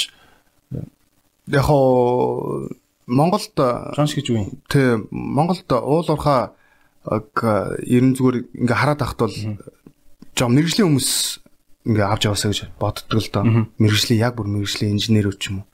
а тэр чиглэлээр ингээд дагнцсан сурцсан боловсрцсан айсвал бүр ингээд а би өөрөө эрдэнэт юм одоо манай аав насаараа уурхаач юм байсан. А тэрүүгээрээ тий тэрүүгээрээ ч юм болоо ягаад ч юм уулуурхаатай холбогдсон. А төгссөн сургууль эзэмсэн мэрэгжилч гэсэн энэ уулуурхаатай холбоотой. Аа тэгээд яг энийг зүгээр харьцангуй одоо стандартын бас чадлаараа өндөр түвшинд авч явахыг хичээдэг уурхаанууд яг гоо тийм их том том том уурхаа. Монголд бол яг уурхаанууд жоохон уул уурхаа жоохон бас муу нэртэй салбар тий. Тий ерөнхий хаанч хаанч тийм байдаг л да тий. Мэргэжлийн төвшөнд аль болох авч явахыг хичээх юм бол энэ өөрөө бас хариуцлагатай уул уурхаа. Заавал байх ёстой салбар байхгүй бол одоо эдийн засаг өөрөө ямар ямар болох вүлээ. Тий iPhone гэж байхгүй шүү дээ тий. Байхгүй тий. Жонш Тэр дундаа яг Жон Шихийн ягаад ч юм Жон шиг орцсон. Би өөрөө одоо бас бодоод эргээ бодоод ягаад орцсон бүү мэдээ. Мэдээж бид нар бол зис мис рүү одоо тийм хувийн секторын бол ороод ах чадамж хэцүү. Тийм үн зэсрүүл ороо. Тэгээ яг Жоншны уурханд бол харьцангуй жижиг болон донд тийм орын уурханд байдаг. Аа Жоншн өөрөө нэг төрлийн одоо бүхэл төрлийн ган хайлуулах болон бусад төрлийн одоо шүдний онд хүртэл ордог тийм төрлийн айгүй ашигтай хэрэгтэй минерал. Энийг синтетик аргаар одоо бол гаргаж чадаагүй. Жоншны экспорт Монгол улс чинь ихэд дэлхийд дүүрт бичигддэг. Экспорт хэмжээлтэй тэгэхээр бас одоо баг 3 300-аас 400 мянган тонн жоншиг бол жилдээ Монгол улс экспортлдог а Орос болон Хятад руу. Тэгээд ер нь жонш бол бас заавал байх одоо бүх энэ ялангуяа гангийн үйлдвэрүүд болон оптик шил шилний үйлдвэрүүд энэ шүдний аа ер нь бол хэрэглэхгүй юм бас байдаггүй. Гол хэрэглэгч мен хэрэглэгч нь бол одоо нөгөө кальц магний гэдэг шиг л нэг тийм минерал төрлийн минерал тий. Тэгээ байгаль дээр бол ингээд нэгтралтай чулуу хэлбэрээр байж байгаа тий. Газрын анц хаваас тектоник хөдөлгөөний үүднээс үүсдэг ер нь энгийн угаар тайлбарлал үгээр тайлбарлал. Шука ингээд жижиг дунд хэлбэрийн уурхаанууд ингээд жон шиг олборлох боломжтой байдаг гэдэг чинь шүү дээ. Тийм болно. Тэгэхээр жижиг дунд хэлбэрийн уурхаа гэхээр одоо хичнээн хүнтэй л команд яриад байна. Нэг уурхаад дээр 20-с 40 хүн ажиллах. Аа тэгээ одоо сүүлийн үед бол бас техникээр их сайн шийдэг болчлоо л да. Аа голцоо гүний уурхаанд гэдэг жоншны уурхаанд. Аа техникээр шийдэх хүний тоо багасна. Аа мэдээж бас техникээр шийдэж чадчихлаа бол аюулгүй байдал талтаа ч гэсэн боломжтой арай харьцангуй гайгүй. Ер нь бид хэд бол аюулгүй байдлыг нөө нэг тавьж ажиллахыг хичээдэг. Аа тэгээ гүний урах бол бас эрсдэл өндөртөө. Тэгэхээр энэ тал дээр л сайн ажиллах юм бол дараа нь үр дүн нь бол хүрэх өөр. Facebook дээр тэгэл уул уурхай юмнууд явахаар тэгдэг штэ ингээл л уул ус үтгэж байна. Гол ус бохирдвол ингээ булангартай болцсон голын зураг тий. За яг тэр тэр өчнөө болоо өөр төрлийн уурхаанууд байгаа. Танаа уурханы хувьд бас энэ гол устай хэр ойрхон байдیں۔ Байгаль орчин талаасаа одоо чи мэрэгжлийн авч явдаг гэж штэ тий. Тэр нь одоо яг юу гэсэн үг вэ? Хичээдэг. А яг мэдээж хариуцлагатай уул уурхаа гэдэг их чухал чухал сэдвүүлдэ ярих юм бол айгүй том сэдв.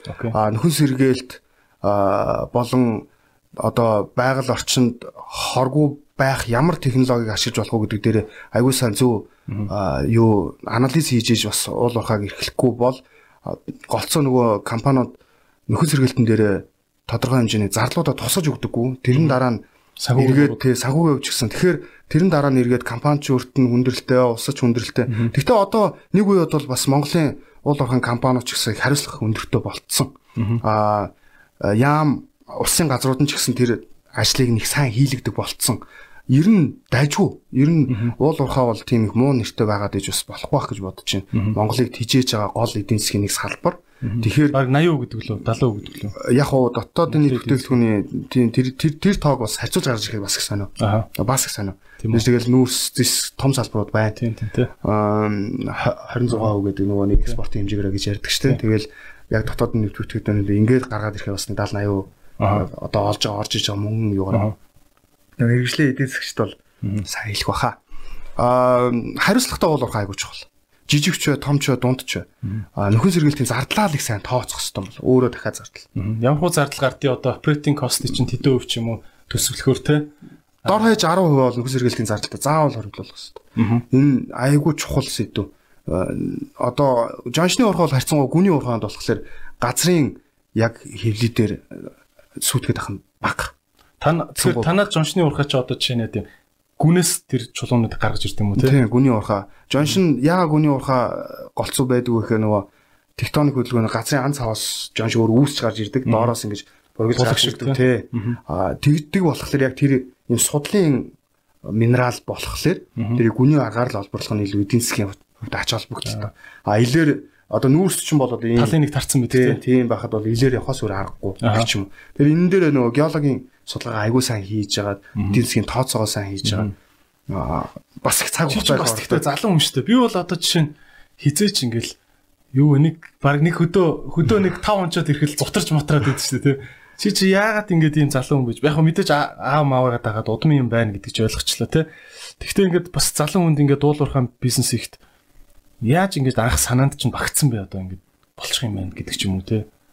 Яг анх анх эргэ бодоход бол яг худалдааны чиглэлээр орж ирсэн. Одоо бэлэн бэлдээр гаргаад ирсэн Джон Шны худалдаа хийгээл реэкспорт хийх маягаар.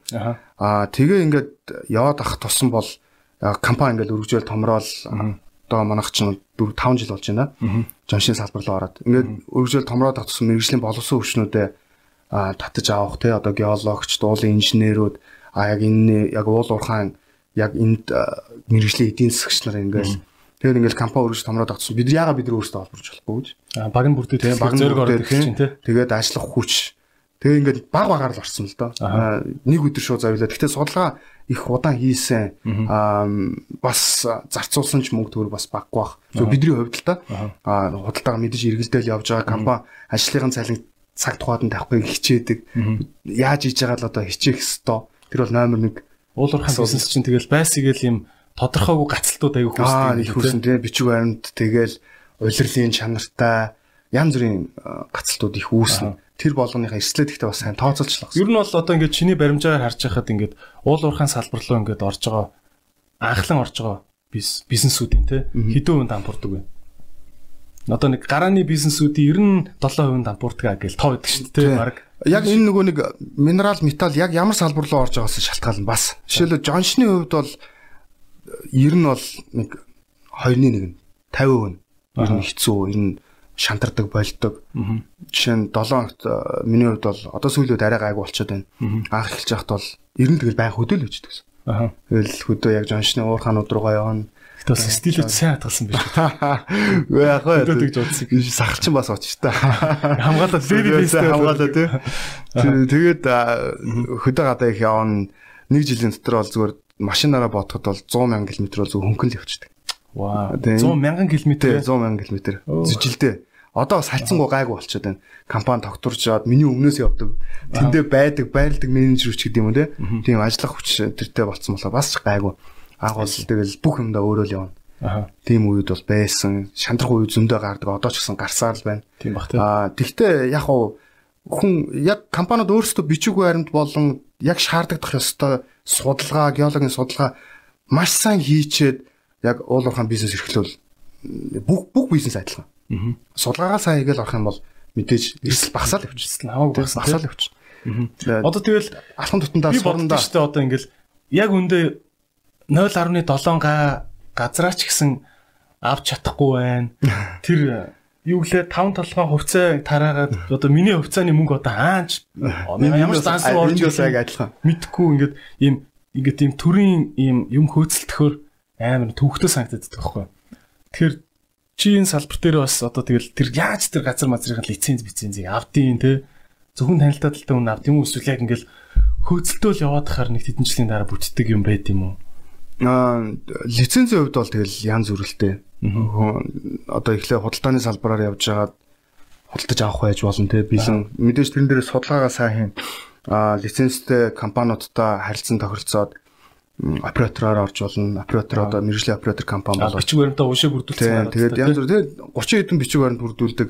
Нэг бичиг баримт бүрдүүлэхэд 2-оос 2 сараас жил орох цаг хугацаа байна уул уурхаан яг бичиг баримт бол нэлээд төвхтөө. Гэхдээ төвхтөө байх нь зөв гэж боддог.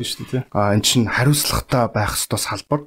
Аа зүгээр ингээд очиод газар ухаад иж болохгүй. Бүх бичиг баримт лежитмент хууль ёсны дагуу байх ёстой. Тэгжиж үйл ажиллагаа эхэлнэ. Бас яд юм бэлээ те. Яамнаас бүх юм хүлэн зөвшөөрөгдсөн байсан ч гэсэн орон нутгатайгаа бас зөвлөдөг. Одоо хажуудлын уулын малчт ингээл Үгүй наач ухахгүй гэвэл тэгэл sorry бил шүү дээ. Тэгээ ер нь бол энэ тий бас олон жилийн хугацаанд ингээд бүх алдаа оноо дутаглуудаа янсаар бол гарч исэн хууль байгаа шүү дээ. Уул уурхай чинь Монголд шинэ салбар биш. Орон нутаг шийддэг газрууд байна. Үнэхээр яг тэр газар анханасаа лиценз авах зүг байсан ч юм бурууч байсан юм. Үнэхээр бэлчээрийн нутагч байсан юм уу? Тахан цааст газарч байсан юм аа? Эсвэл одоо орон нутгийн тусгай хэрэгцээ гэл янз бүрийн төрлийн байдаг л да. Тэгэхээр тэрнтэйгээ ч гэсэн уул уурхайн компанид бол тохиролцоо болон бичиг баримт дээр сайн ажиллах. Орон нутаг талаас нь ер нь хичнээн хичнээн төрлийн зөвшөөрөл одоо тохиролцоо юу гэдэг те юм авдаг вэ? Тэр нь 10-д байгаа шүү. Аа. Тэг 10-д бичиг Ян талаас нь 30 гарна, нөгөө талаас 10. Уу яг хөө нийлээд 30 гаруй. Тэг яг зүгээр мейн бичиг баримтууд, гол бичиг баримтууд. Аа тэгээд орон нутаг талаас нь гол жил болгон жил болгон уулын ажлын төлөвлөгөө тайлангаа хамгаална, байгаль орчны үнэлгээгээ хийлгэн, жил болгон нөгөө бичиг баримтууд чи ихэнх нь дахиад жил болгон дахиад сунгагдаж явчихдаг. Ганц л лиценз авангуудаа бүхэн болчихно гэж байхгүй. Аа тэгээ орон нутаг талаас нь ер нь ямар чухал чухал бичиг баримтууд байна одоо? Одоо орон нутагта нөгөө хамгийн гол нь хамтран ажиллах гэрээ байх хэвээр. Аа тэгэл нөгөө хог хаягдл, усны гэрээ. Одоо тийч нөгөө орон нутагт хариалагддаг засаг дарга газрууд хариалагддаг, тамийн газрууд хариалагддаг нөгөө хариалагдах жоох одоо хамаарагддаг бичиг баримтууд гэсэн үг одоо. Бүх ус болон тэр хог хаягдл маяглыг чинь ус шийдээд байж чадахгүй. Тэгэхээр тэрнтэйгээ тэр гэрээнүүдийг сайн байгуулах хэрэгтэй. Тэгээ орон нутгийн хөгжлийн санд бас матур тэгээд ингээд ингээ 10 бичиг баримтууд болдгийг ер нь бол. Аа тэгээ мэдээж уул уурхайн компани бол ингээ газрын хэвлийг хөндөжл байгаа үед бол орон нутгаа дэмжих янз бүрийн үйл ажиллагаа бас байнга явуулж авах хэрэгтэй. Энэ бол зөвөр ингээ үүр гэж боддгийн. Энэ компанид бол угаасаа ер нь бол уусган компани бүгд мэднэ дээ. Тийм бах тий. Окей, тэгээд татвар матвар бол бөө юм болд юм билээ шүү дээ. Аа, ер нь. Тэгэхээр энэ бол нэг зүгээр ганц хүний ажил биш. Яг том баг ажиллах хэвээр. Тийм ээ. Аха. Эдийн засгч хуульч одоо юу гэж. Чи цаашаа одоо ингээд илүү тийм ямар төрлийн бизнесүүд рүүгээ илүү явъя гэж бодож байна. Эсвэл яг ингээд параллельны адилхан л бизнесүүдэд хөгжүүлээд явъя гэж бодож байна уу? Аа, ер нь бол параллелээр явах нь илүү зөв болов. Ямар ч тохиолдолд хүн бизнесмен хүн бол хитрхи нэг юм дагнах нь бол эрсдэл өндөртөө. Мэдээж үнэхээр ашигтай Coca-Cola-гийн 25% хувьцаа над байсан бол би бол яг Coca-Cola-гоор бийж хасаа.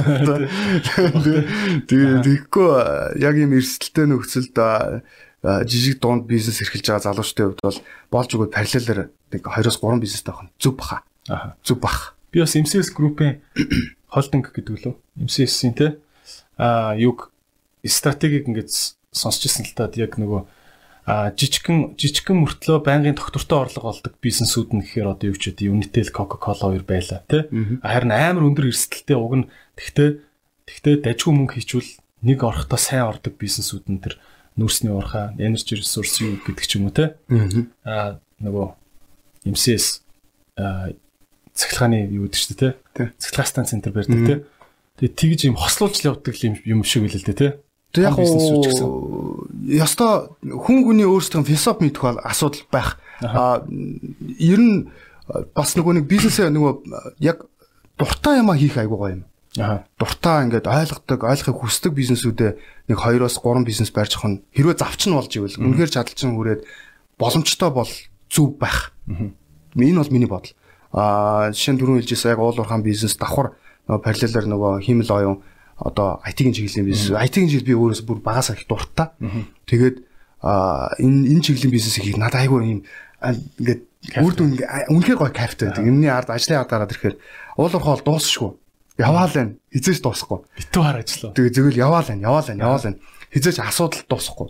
За дээрэс нь асуудал бол ерөөсөө хизээч дуусахгүй. Аа тэгэл нөгөө хөдөлмөрийн аюулгүй байдал ер нь бол хизээч дуусахгүй бизнес. 50 онд чадахгүй юу? Онд чадахгүй. Ер нь хэцүү анх нэг уурхаа эхлэхэд бол а нэг 6 сард бол чанга шүү. Аа. Ер нь чанга. Тэгэл ажилтны цалин хүртэл харьцангуй өндөр байдаг хөдөө орон нутгад ажиллаж байгаа. Тэгэл тэр хүмүүсийн цалин тасалдуулах, тасалдах үе гарна. Тэгэл бүгдэнд нь ойлгуулаад одоо хэлэх үе гарна. Өвлийн цаг бол аюу хүнд уулуурхаан нөхцөлт бол. Уулуурхаан компаниуд. Тэгтээ яг энэ өөрөө эслээ үрэл орж байгаа бас. Тий. Тэгэхээр яг яг нөгөө төрөний хэлдгээр нөгөө нэг өвлийн цаг үед уулуурхаан бизнес ингээд одоо хумигдах үеэр нөгөө IT-ийн чиглэлийн бизнесмен илүү тий ингээ явах юм. Магадгүй дэлгүүртэй байж болно шүү дээ тий. Тэгээд тэгээ ийм ийм маягаар ингэж явах нь бас Монголын яг ийм өсөж байгаа эдийн засгт улсын хувьд бол зөв бах. А нэгэн тогтворчсон газрууд бол харьцангуй арай өөр бах л да. Чи тэгээ амар хүнд бизнестэй хүнд хүнд гэлээ. Би чамайг хизээч яг нэг юм яа хөшөнгөцөө явуучих гэж ерөөсөө харж байгаагүй. Дандаа ингээ харахаар нэг юм амар юм happy харагдаад идэг. Чи энэ хувь хүний характер байна уу эсвэл ерөөдөө ерөөдөө гайг менежментээ сайн хийгээд байгаагийн хуу? Аль Гэхдээ яг хаа хүнд үе зөндөө гарна уу? Хүнд үед бол байн би жоо стресстэй байхад чи нэр нэг ч харж байгаагүй. Нилээ олон л таарлж ирсэн. Гэтэ ажлын хүндрэлийг стресс болгоод байвал өөрөө л баг шүү дээ. Ажлын хүндрэлийг бол нэг хаахтар стресс болгоод хэрэггүй гэж боддог. Энэ тал дээр хувь хүний нууц байна уу бас өөрийгөө happy болгох. Гоё бясалгах аргууд байна. За. Би бол жимд явж өөрийгөө бясалгадаг. За. Нэг нэгсэндээ чи өөрөө өөртөө яг цаг гаргаад дуртай хөгжмөө сонсоод нэг 2 цаг бүх юмнаас disappeared бол 7 хоногт нэг 3-аас 4 удаа тий. Гоё дуртай юм ингээ. Одоо сакс тоглох дуртай саксаа тоглоо. Яг энэгээр хүн спортоор ялангуяа яг ямар нэгэн спорт барьж аваад өөрөө өөрийнх нь дуртай спортыг барьж аваад энэгээр энийгээ бясалгал болгож ашиглах нь нэг хөнгөн чанар стрессээс салчих болов. Аа. Чи тэгээ яг тэр спортынхаа режимийг бол аягүй сайн барьд юм шүү дээ. Барихыг хичээдэг.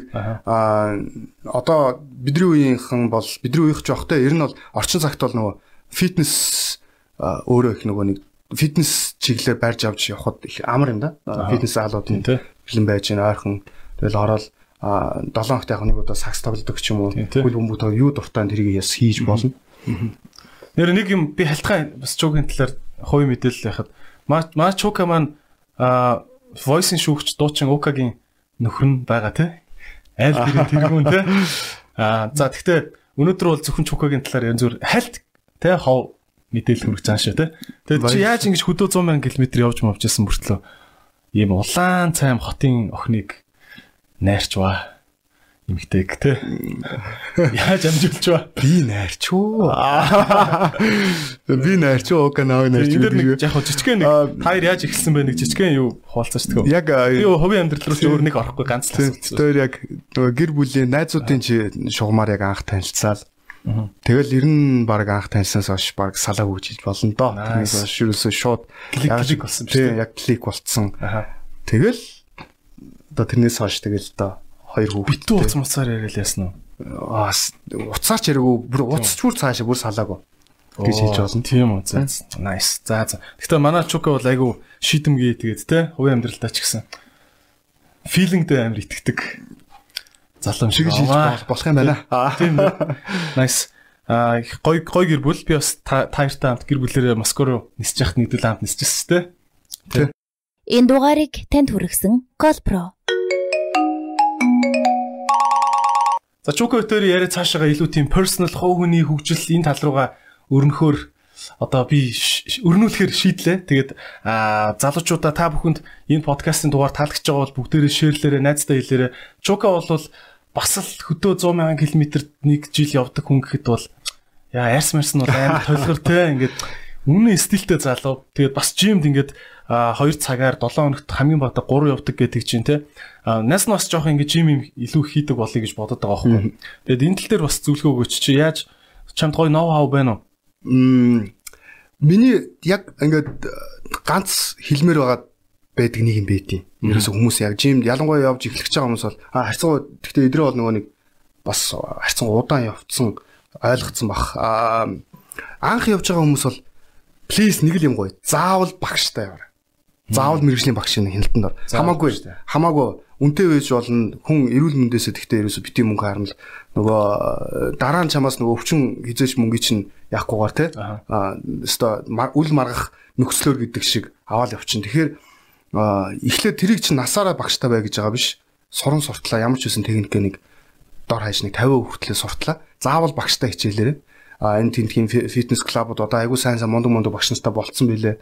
Нэг үеиг бодвол биднийг анх жим юмд явдаг байсныг бодвол багш нарын ч их чанарын сайжирцсан байна. Юу хийж байгаа сайн болцсон. Заагаад өгчигээд айгүй тийм техниктэй гой гой техник зааж өгдөг ах нар манга идсэн шүү дээ жим дотор. Өста гэн догоондоо зарим нь хитгэе бороо хүнд мүнд заа гимтэй аюултай. Тэгэхээр болж өгвөл яг тэр жимнийхэн албан ёсны багшийн сертификаттай тийм хүмүүсээс зөвлөгөөгөө аваад болж өгвөл тэднэрт нөгөө нэг нэг цагийн нөгөө 30 40 мянган төгрөг гэдэг нөгөө багш нарын өөрсдийнх нь юу гэдэг чинь те тэрийг нь төлөөд ганцаарчсан айс бол нэг найзтайгаа ч юм уу хуваагаад төлбөрийн төлөөд тийм багш нар аваад нэг 3-аас 6 сар. Гимцэн залуучууд айгүй их хүн тийм анх жил буруу хийгээд тийм нуруу гимтэн гэдэг чинь айгүй эвгүй штэ дараа нь бүр юу жим байтгаа баг юу ч хийж чадгаа болчих магадaltaй болохоор. Тэгээ багшийн хяналтанд дор техникээс сайн сурсны дараа одоо жингээ нэмээд аа тэгээ багштай байх юм бас давуу тал нөгөө зөв хоол сурна. Зөв хоолоо сураад эхлэх юм бол нөгөө жимний чинь явж байгаа үр дүн нь хурдан гараад эхэлнэ. Тэгээд ер нь бол би ганц л зөвлөгөө багштай л яваарай. Nice, nice. Өөрт нэг даахтар нөө хав гэх юм уу байхгүй мэдээж олон явахыг хичээ, цаг гаргахыг хичээ, аль болох эрүүл хооллохыг хичээ. Эрүүл хоолт гэдэг бол одоо ер нь бараг хүн болгонд мэдж байгаа тий. А зөв органик хоол сайн хичээ. Одоо нэггүй ба шүү дээ. Яг ба. Ер нь бол эрүүл хоол миний бодлоор гэрээ хоол гэж боддог. Аха. Гэрээ хоол гадуур аль болох баг хоол ид амтлагчаас татгалз цагаан төрлийн гурил сахар иймэрхүү бүтээгдэхүүнээс татгалз будаа сайхан зөв хоол дахиа өхөр гахаа одоо бүх төрлийн уургны төрлийн хоолууд бол зөв хоол. Энийг боловсруулаагүйгээр нь яг хэрчээл, хуурал, жигнэл, чанаал ид. Энэ бол яг зөв хоол, гэрийн хоол гэсэн. А ногоогоо сайн хэрэгэл. Гэр чинь нэг асууч уук ер нь хоол идэг үү? Хин хин. Идэг үү? Тэгээ амралтын өдрүүдээр чи ер хоол идэг үү? Би яг хаяа хийнэ. Гэхдээ тийм байн болж чадахгүй. Хийхэр нандаа их үү? Манди хийх гэж хичээдэг. Ямар хоол супер их вэ? Барбекю ribs байгаа. Тэр тэр зөвлөх ингээд ясмаас суурж гарч ирээ. Тэгээ аль болох яг тийм болох гол. Гэтэ гэрийн нөхсөж байгаа хэцүү л дээ. Шадлаараа ясна ингээд суурж гарч ирэлээд үстэй. Тэгээ заримдаа яг болдгийг шүү. Махнаасаа бас шалтгаална. Сайн маха, зөв маха сонгол гоё болно. Аа тэгээд яг гэрийн хоол бол айгүй эрүүл хоол аль болох гэртээ хоолоо сайн бэлдээд ажил руугаа хичээл руугаа авч явж байхыг хичээгээрээ. Тийм ээ. Гаднаас тэгэл өсөнгүүдээ бишгээ авч идэв бол бас тийм ээ. Тийм юм. Тэ. Аа одоо юу ярьж штэ би яг ингээд фитнест байж байгаад нэг юм хөвтөж байгаад жинг ингээд өвдгөөрөө дээш нь ингээд жийдэг тийм дасгал шүү дээ тий. Тэгээ өвдгөө ингээд бүр ингээд 100% тэнэлгэж юм байл шүү дээ тий. Одоо нөгөө буцаад үе дарах тий. Тий үе ингээд яг чигээр нь дараад үеийнхаа шингэнийг ингээд одоо шахаа ичт юм байл шүү дээ тий. Тим тимнүүд байгаа хит хүн дээр хийвэл. Тий.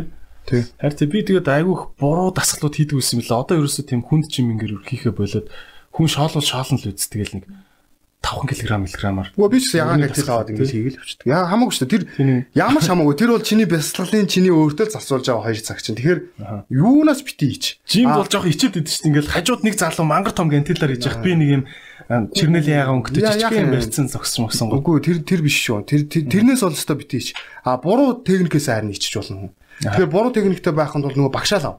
Тэгэл анханаас айгүй сайн зөв техниктэй болцоход хоосон хийж исэн ч болно. Зөв техник. Тэгээ болч явандаа ингээд удаан хийгээд тэгэхээр булчингаа сонсоо сурчин. Тэгэхээр нөгөө нөгөө айхтар ингээд нөгөө тэнийлгээл сайн хэлжсэн нөгөө хүн дээр ингээд нэг жигээд ийм юм дасгалууд хийх шаардлагагүй болчихно. Аа яг классик дасгалуудаа айгуу сайн зөв техник. Нөгөө хүнд суулт хэрэгтэй. Нөгөө штанка тавьж байгаа суугаа босдог. Штанггүй байсан ч болно. Скватаар хийдэг. Скват сайн хийх хэрэгтэй. Deadlift үндсэн таталгаа. Яг өвцөг рүү орж байгаа үстэй энэ. Өвцөг гоё. Ер нь скват нуруу өвцөг гоё ингээл эрэгтэй хүн рүү орцгон тий. Гэхдээ октод яг эрэгтэй хүний өвцөг яг хард юм л тий. Тийм гэсэн. Тэгээ өвцөг чухал шүү. Тестостероны хэмжээ их болох тусмаа одоо тий чадвар бас байн сайн байна. Суултаа насаар зөв нууц юу вэ чи би чамс нууц юм сормор шүү чи одоо би би бол биеийн хөгжлийн талын ерөөсөө суулт хийх дуртай. Суулт хийгээд ахаар нэгдүгürt амар ашигтай дасгал юм байлээ. Зөв сайн техниктэй суугаад нэг юм бол мэдээж хөлөө сайн хөгжүүлчин тэгээд гүзээ суудаг. Аа шатаалт айгүй өндөр байдаг. Нөгөө калорийн шатаалт том булчин том булчин ажилдаг. Тэгээд дээрэс нь суугаад босно гэдэг чинь хүний бүх юм хөдлөөд ингээ босч байгаа. Цээж шахснаас илүү надад суулт хийх нь илүү юм үр дүнтэй тэр тэр өдрийн дасгал үр дүнтэй суултаа харьцангуй түлхүү хийх бодод. Тэгэхээр аа нөгөө шатаалт сайн байна. Хоолоо сайн идэн. Дээрэс нь тестостероны хэмжээг байнга дэмжиж идэг болохлээр одоо залуу байна гэсэн үг. Ер нь одоо нэг арьс массаж хүртэл гоё хадгалах боломжтой. Шиний зүг тухмах чинь толиогоо л шүү дээ. Би нэг угаагаал хайчдаг шүү дээ. Зөвхөн усаар тий. Тэгээ усаар угаагаал хайчдаг. Аа тэгэхээр яг хүн асууад миний нуусч байгаа ерэн зүгээр суулт. Суулт амар чухал. Суултыг л дандаа хийж байгаарай. Тийм ээ. Гормон те бас айгүйх гормон ялгаруулдаг гэдэг шүү дээ. Гойны булчин ажиллахаар гормон их ялгардаг гэдэг те. Аа. Аа чамд одоо ингээд эхнэрээсээ ч юм уу ингээд суралцдаг те бас ингээд ирчүүд чинь заримдаа амар хээгүү штэ аа гэсэн гэл ингээд явж идэг те. Эхнэрээсээ суралцсан тийм нэг зүүн зүүн. Одоо юм байдгүй. Байдгийг. Яг байдгийг шүү. Жижигхэн чимхлүүр тэгтээ мангар хэрэгтэй Одоо юу ч үтэй нэг ядаж хөмсгнийхээ энэ хоёр голын зэрлэг Аа, яг- яг- окточ ирээ зулгаан ачдаг шүү дээ. Тэгээ ихэндээ ингээд А тийм төрлөөрөө.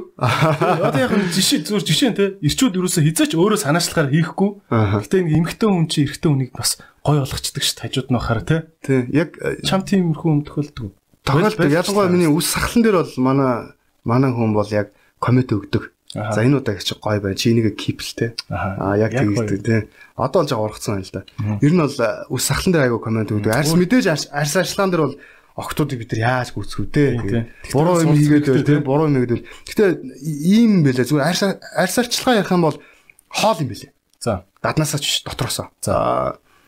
Бүрөөсөө тэр бол бүр ойлгомжтой. Хүн өөрөө харшилдаг, өөрөө өөртөө харшилдаг хоолнуудаа мэдээд авчмаар санагдсан. Мм янз бүрийн имлгүүд бас хийгээд өгдөг. Харшлын тест гэдэг те. Тэгээ одоо би жишээлбэл өндөгний харшилтаа мэл. Үт тийм үү? А тэгтээ харшил нь одоо ингээл те нөгөө самар мамар шиг тийм биш. Өөрт мэдэгдэхгүй. А тэнгуүтээ ингээд арс марс хойраашдаг ч юм өндөгөдөд байсан. Аа. Тэгэл юм хүн гардаг ч. Тэрийг мэдж авснаа айгу баяртай. хурц биш те. Харшлын өндөг айгу сайн болохгүй. Аа. Масар бол өндөг шиг сайн хоол байхгүй. А тэгсэн би ойртож болохгүй мэл. Жишээлбэл хуу хүн болго нэг юм идж байгаа юмнаас харшилдаг юм байна. А харшилдаг юм байхгүй бол чи өөрийгөө азтай тооцтой юу ч хийж болно. А мэдээж ногоонуудаа сайн хэргэл төлхөө хэрэг. Сонин 70 хоолноос аршилтай хүмүүс үүд Тий. те. Хүүтнээс аршилтай энэ төр гэл те. Би тэгсэн чи өндөг авьяасаас харшилдаг. Оюуснаас хүртлөө. Тий, тэгэхээр хоёр айгу сайн өглөө өглөө бол одоо надад идэх юм байдаг болцсон. Тий, тэгээд тимнууд айгу сайн мэдмээр юм байлаа. Хаана харшлын тест хийлгэсэн бэ? Солонгост зүг зүгээр гингүү явж байгаа л энэ дөр. Монголд бас байгаа хаа. би хийлгэсэн сайхан бас. Нөө сайн нэг э, 12 сард ханаа түрээд урд нь би ханаа түрхэд хамар ерөөсө захтандгүй байсан байхгүй. Гэсэн чинь хамар амар захтандаг тийм ханаа түрээд. Тэгээд э, одоо харшилтай болж байгаа юм болов айгаа очиж үзүүлсэн чинь нэг дор баг ингээ арснаас юм арчиж авлуу яалаа. Цус мусч авлуу мартчихжээ. Тэгээд яа тийм бэлээ. Харшлын тест гээд нэг дор аа хамгийн багада 50 ийм төрлийн хүнсний категори үүд юм билээ шүү дээ. Далайн хоол ийм Мах, үр тэ. тариа юу гэдэг тэ 50-ад төрлийн юм байт юм лээ. Тэгээ бүгднийх нь харшлын тест хийж өгд юм лээ. Тэгээ азар харин минийх зүгээр тийм ханидны л хуурашл байсан хоол гайгүй нэ тий. Тэгвэл Гайгүй л. тэгвэл азтай байна. Одоо хоол хянах ч аюу хэцүү штэ. Тийм ээ. Өндөг гэж болохгүй. Өндөг чи яасан ч их юм ордын. Яасан ч юмд ордын. Аа зүгээр өндөг болохоо болсон чинь десертүүд байхгүй болсон. Өө тий. Тийм үү тий. Бэлэн мэлэн бүгд байхгүй. Одоо тэгээд заа. Тэгээд тийм л юм байлээ. Тэгэхээр хоол айгу сайн зүв аа, яах хэрэгтэй бах. Наа чин юу нууц вэ тий хүмүүс. Хүн ер нь яаж хийж байгаа нэг тимнийхэн шинжилгээ хийгээд хийлгээд үзчих гуйж байна. Боломжтой бол аа Нэг айхтар хүнтэй байдгүй юм байна. айгу хуу Очиж сүртэй байдгүй. тий тэгэл тэрийгэ хийлгээл үзчих тэрнээс хойш өөрөө зөв мэрэглээд байна буруу. Хүн болгон сайн бас чамд зарим талаараа муу ах магадaltaй байхгүй. Тийм ээ. Тэгэхээр тэр нь яванда нөгөө канцер мансер болох тийм янз бүрийн юм байж болно. Харин би чокагаас бас нэг ингээд жоохон амьдралын нэг жижиг ноо хавас орчих гадахгүй юу. Тийм яг нэг эртөө хүний яг өөрөө нь мэдгүй ингээ мангартаа яваад байдаг юмнууд шүү дээ. Яг нэг эмхтэй хүн амьдралд нь орж орж иж хэлж өгдөг. Тий тэгээ тэрийг нь застдаг тий. Застдаг те. Тий. Тийм юм юу вэ? Аа яг эргээ бодоодсэн чинь хүн бол угаж айгууд нөгөө хувцсан дээр айгу мэдрэмжтэй. Аха. Үнэхээр бүр супер мэдрэмжтэй. Тэгээд би одоо энэ хувцсны мэдрэмж нь байгаад идэм үү гэсэн чинь үгүй юм байна. За. Ерөөсөө яг хувц өмсөхдөө хооронд хувцснуудын өнгөнүүдийг айгу сайн тохируулах хэрэгтэй. За. Яг. Энийг чинь бид нар мэдтгүй юм байна. За. Одоо жишээлбэл цэнхэр өнгийн бичээхэн дээр одоо бобор өнгийн цамц дотор нь өмсөх бурууч гэдэг юм уу те. Тэгээ бид нар ингээд өмссөн зогсож ит юм байна. Тэгээ өөрийгөө их гой харагч юм ойлгоцсон гойтцсон тэгээд. Тэгмээ тэр нөгөө бор цамц нь магадгүй бор бичээх ч юм хавар бичээхний дотор өмсөхөд зохимжтой шүү дээ те. Тэр энэ дээр өстой яг эмгтээчүүд яг ер нь бол ганцхан манай өнгөхгүй октод бол айгуу сайн өнгөний мэдрэмжтэй. Ял одоо ингээд бодъё л улбар шар бол бидэрт улбар шар тийм үү. Тэгвэл тэр нь жоохон цайгаад ирэнгүүт октод нэг яг бүр өнгө олоод нэрлэлсэн байдаг. Тэр бид нар бол энэ цайвар улбар шар гэж нэрлэж байгаа. Тэр тэрэн дээр бол өстой илүү мэдрэмжтэй. Өнгөний зогсолтоо их сайн а, олт юм бэл. Тэгээд мэдээж хувцсан дээр бол байнгын зөвлөгөөг. Мм Чи чи аим гой нүдэн шил зүдэж штэ. Тэ энэ одоо наг энэ нүдний шилийг солил хайгуу дургу. Би ингээл байж байгаа лойда янз бүрийн шил ингээл хийлгэж үлгээл ирдэг хараа мотой юм чинь. Аа. Тэгэл ирэнгүүт гээ чи нөгөө хоошнаал зүгч. Энэ мэдгүй надад баг 8 8 жил болж байна. Гоё тасцсан Долоон те. Начаар кул харагдаад штэ. 7 8 жил шүүрэг шил. Шүүрэг шиг гээд. Би бас харин би бас нэг шүү- нүдний шилмэл зүд юм уу? яванда тий. Тэгэхээр бас араа марам их мангар чухал юм шиг л шүү дээ. Тийм бэлээ. Тий. Бид нар чинь мэдтгүй юм байна. Зүгээр ингээд шил бол шил. Тэгээ ер нь цамц бол цамц. ер нь ингээд энэ подкастыг сонсож байгаа эрэгтэй хүн байвал тий. Манайд өөрөөсөө ер нь уучраа баг олохгүй бах. Тий. Тий. Гайгүй зөвлөдөг эмгтэй хүнтэй ойрхон бай тий. Тий. Тий. Тий. Тийм л биш юм. Тий. Ер нь бол яг Өөрөө зөвлөх тий. Тэгэл тэр үсээ буруу засуулсан бол яг наач яг үнээр болохгүй нэгээд нэрээ хараад ангууд буруу л байгаа хөөе. Тэгэл Тэр чинь би нэг гой хөөргөл тий. тий өнгө өнгө айгу чухал юм байна. За. Хувцсан дээр тэр ялангуяа энэ хувцсан энэ нүдний шил ч гэсэн өнгө чухал байгаа. Би нөгөө жоохон буурлалгаатай өнгөт энэ цагаан саарл энэ цайвар шил ингээ зогтөг гэдгийг энэ өөрөө хараа мэдээд ш. Бид нар бол мэдэхгүй. Тэр энэ нэг чухал юм болов гэж харсан. Аа тэгээд мэдээж нөгөө залуучуудаа хандаж хэлгээ бити ихтэй юм таргалаараа бити их гизсгүй зээ суугаараа Тийм.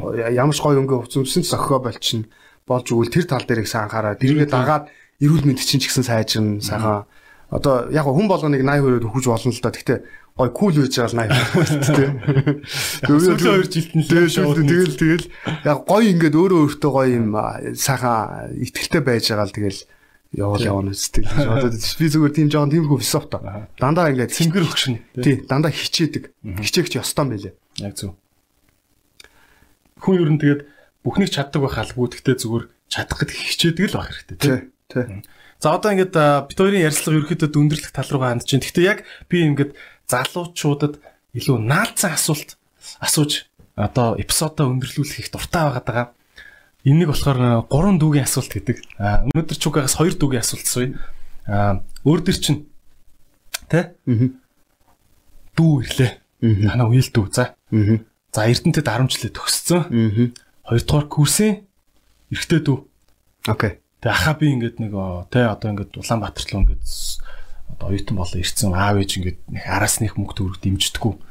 Би бас ингээд оюутан бахаас эхлээд мөнгө төгрөгөө бас гайгүй аав явчмаар байна. Би яаж одоо сайд сайд хасл гэдэг байгаа шүү дээ.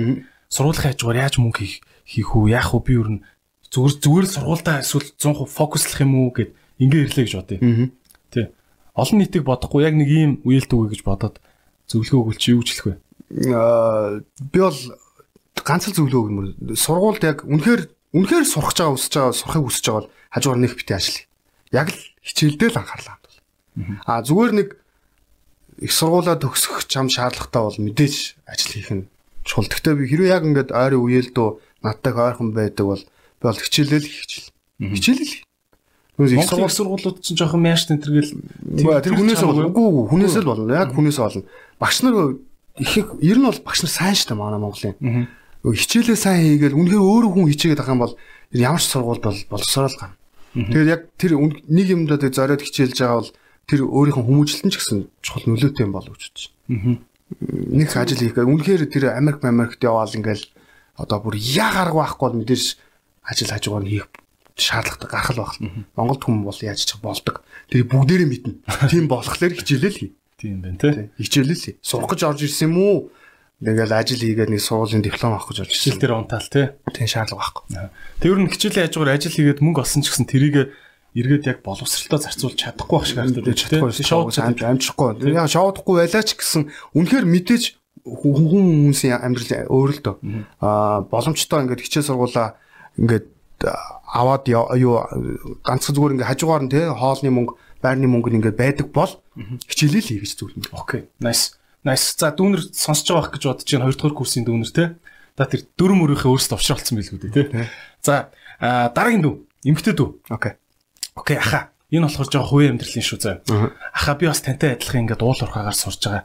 Одоо яг ингээд төгсөөд нэг уул урхаан компанид орно гэж байгаа. Бандтай үерхэж байгаа 2 жил үерхчлээ танд хэлэхгүй. Аа би өөрөө 2 дугаар курстэй ингээд ингээд явандаа ингээд төгсөх жилдээ жирэмсэн болоод ингээ ингээ гэр бүлнэл. Ингээ ярил та. Одоо тийм огт зөндөө шүү дээ тий. Сургууль төгсөхдөө хүүхэдтэй дипломтой энэ төр гэж ярьдаг тий. За тэгвэл ийм охин ирүүл чи а, а, за эрэгтэй хүнтэй ингээд одоо амьдрал зохиохдоо миний дөө ийм ийм юм ин анхаарч шинжиж байгаарэ гэж хэлвэл юу хэлэх вэ? Тийм том асуулт байна те. Том асуулт. Гэтэ яг зүгээр эрсдэл гаргаад ингээд Тий. яад ингээ хэлвэл Аа мэдээж хүн бол би бол шууд ганц үг нас ч болоогүй байна. Үүсэх юм чинь дөнгөж эхэлж байна. Амьдрал үзээ, хичээлээ сайн хий.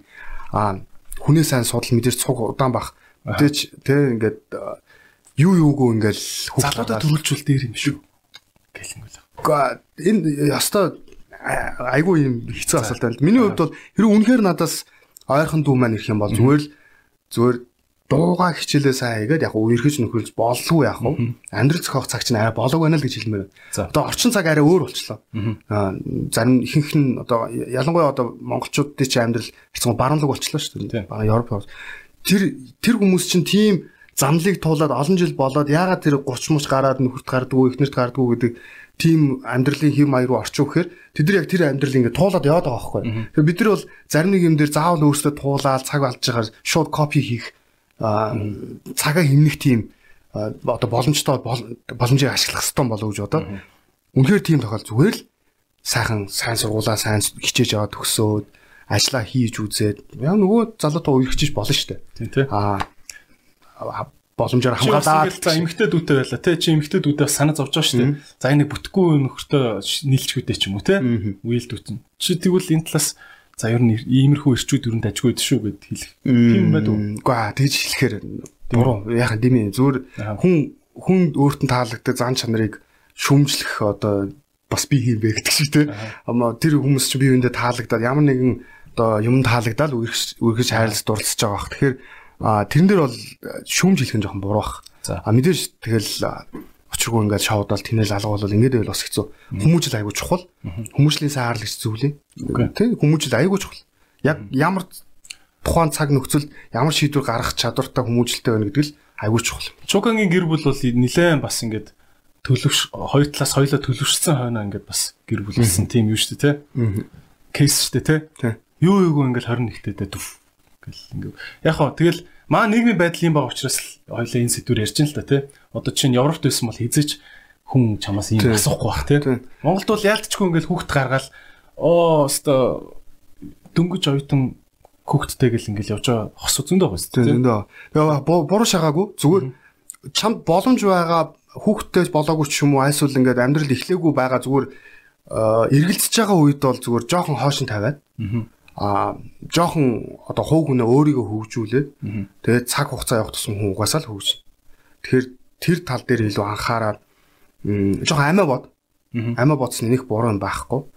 Тэгж явах нь илүү өнөө цагт бас илүү наалтах юм гэж харж тий. Тэгээд яг буцаагаад нөгөө одоо партнераа сонгохдоо хүмүүжлээ харах нь илүү чухал. Бус нь бол хамаагүй. Хүмүүжил гэж юу хэлээд байна? Одоо ямар хүнийг хүмүүжлэлтэй гэж яриад байна? А энэ сэдв бас өөр айгу том баха. Зүгээр миний бодлоо. Зүг базуул. А миний түрүүн хилдэг шиг яг хэрэгтэй моментод хэрэгтэй шийдвэрийг гаргаж чаддаг гэдэг нь зарим нэг одоо хорт зуршилч гэдэг юм уу зүйлүүдээс татгалзаж чадах тийм чадвартай. Тийм үгүй гэж хэлж чадах. Үгүй гэж чадах бол энэ бол айгу том хүмүүжил юм бас нэг том илрэл юм да гэж хараад байдаг. Аа бүх юм дээр ESSS гэдэг л тэгэл өөрөө мэдгүй өөрөө эвдээ өөрөө өөрийгөө эвдээ очих тийм боломжууд зөндөө байгаа. Аа юунууд шалтгаан. Тэгэхээр хүмүүжил айгүй бас үгүй гэж хэлж чаддаг гэдэг бол айгүй том хүмүүжлийн нэг шалгуур илэрэл. Nice, nice. За ийм байдгийн байх шүү. Одоо тэгээд чук ах нь ингээд wisdom bomb drop шүү дээ. Тэгтээ би өөрөө тийм гэж хэлж байгаа биш шүү. Зүгээр би боддог ч юм уу. Гаднаас уншдаг унштэй хичээдэг тий хичээдэг. Ном сайн уншаараа залуучтай. Ном айгуу чухал. А дуртай дуртай төрлийн ном уншаараа. Цагаа бас бити өрөөрэй. Тийм тий. А уран зохиол дуртай уран зохиол, классик дуртай классик, эдийн засаг дуртай эдийн засаг номоо сайн уншаараа гой гой контентууд их гарч подкастууд их сайн сонсороо машин дотор явж байгаа. Идрээс подкаст. Идрээс подкаст тий айгуу гой кул болно гэдэгт бүр итгэлтэй. Тий за тэгэд манай одоо ингээд эхний одоо 10 дугаар дотор багтаж те ингээд өөрийнхөө бас нэр хүнд олон нийтэд гарах риск хийн байж те ингээд ирсэн бол энэ подкаст амар ингээд гачин юм байх ч байсан юм билүү те тэгээд манай ингээд анхны зочдын нэг болж байгаад маш их баярлалаа чука Тэгээд одоо энэ e-спорт гэдэг юмыг хөгжүүлээд маш олон залуучуудыг цагаа зөв болсон өнгөрүүлдэг энэ архинаас хол, тамхинаас хол ийм гоё байлгасаа тий гэж бодож ин entertainment гэдгийг аюу гой технологитой холбож, контенттой холбож, айж амьдрал, бизнес, мөнгө бүх юмтай холбож ингэж хөгжүүлээсэ гэж залуучуудаа бас захимаар байна подкастынхаа эцэст тий. Тэгээд сүүлийн бас захиасыг 18-аас 25 бүр нас цаа чи. Одоо яг тэгвэл танаас салбарын хамгийн их одоо оролцогч нар байгаа учраас яг энэ насныханд зөрүүлж ингээд ерөнхий зүгээр нэг убагийн зөвлөгөө те залуу убагийн зөвлөгөө гэх юм те Тэгээ залуу бай. залуу убагийн зөвлөгөө дроп хийгээч гэд тэгээд подкаст хай. А зөвлөгөө яа зөвлөгөөч баг зүгээр дуртай юм аа хий. Дурлж хийгээрээ залуучдаа. А одоо цаг үе шал өөр болцсон байна. Тэгээ мэдээж бас муу мухай юмнаас хол байхыг хичээгээрээ. Муу мухай юм гэхээр надаар хэлүүлт хүн мэдчихэж байгаа бах. Гой э, цагийг юм кул өнгөрөөгөөрөө дараа нь харамсахгүй байгаараа а тийм л өгмөр байна. Тэгэд э, би спорт дуртай бол одоо хичээлэл ахас. Yeah, nice. Okay.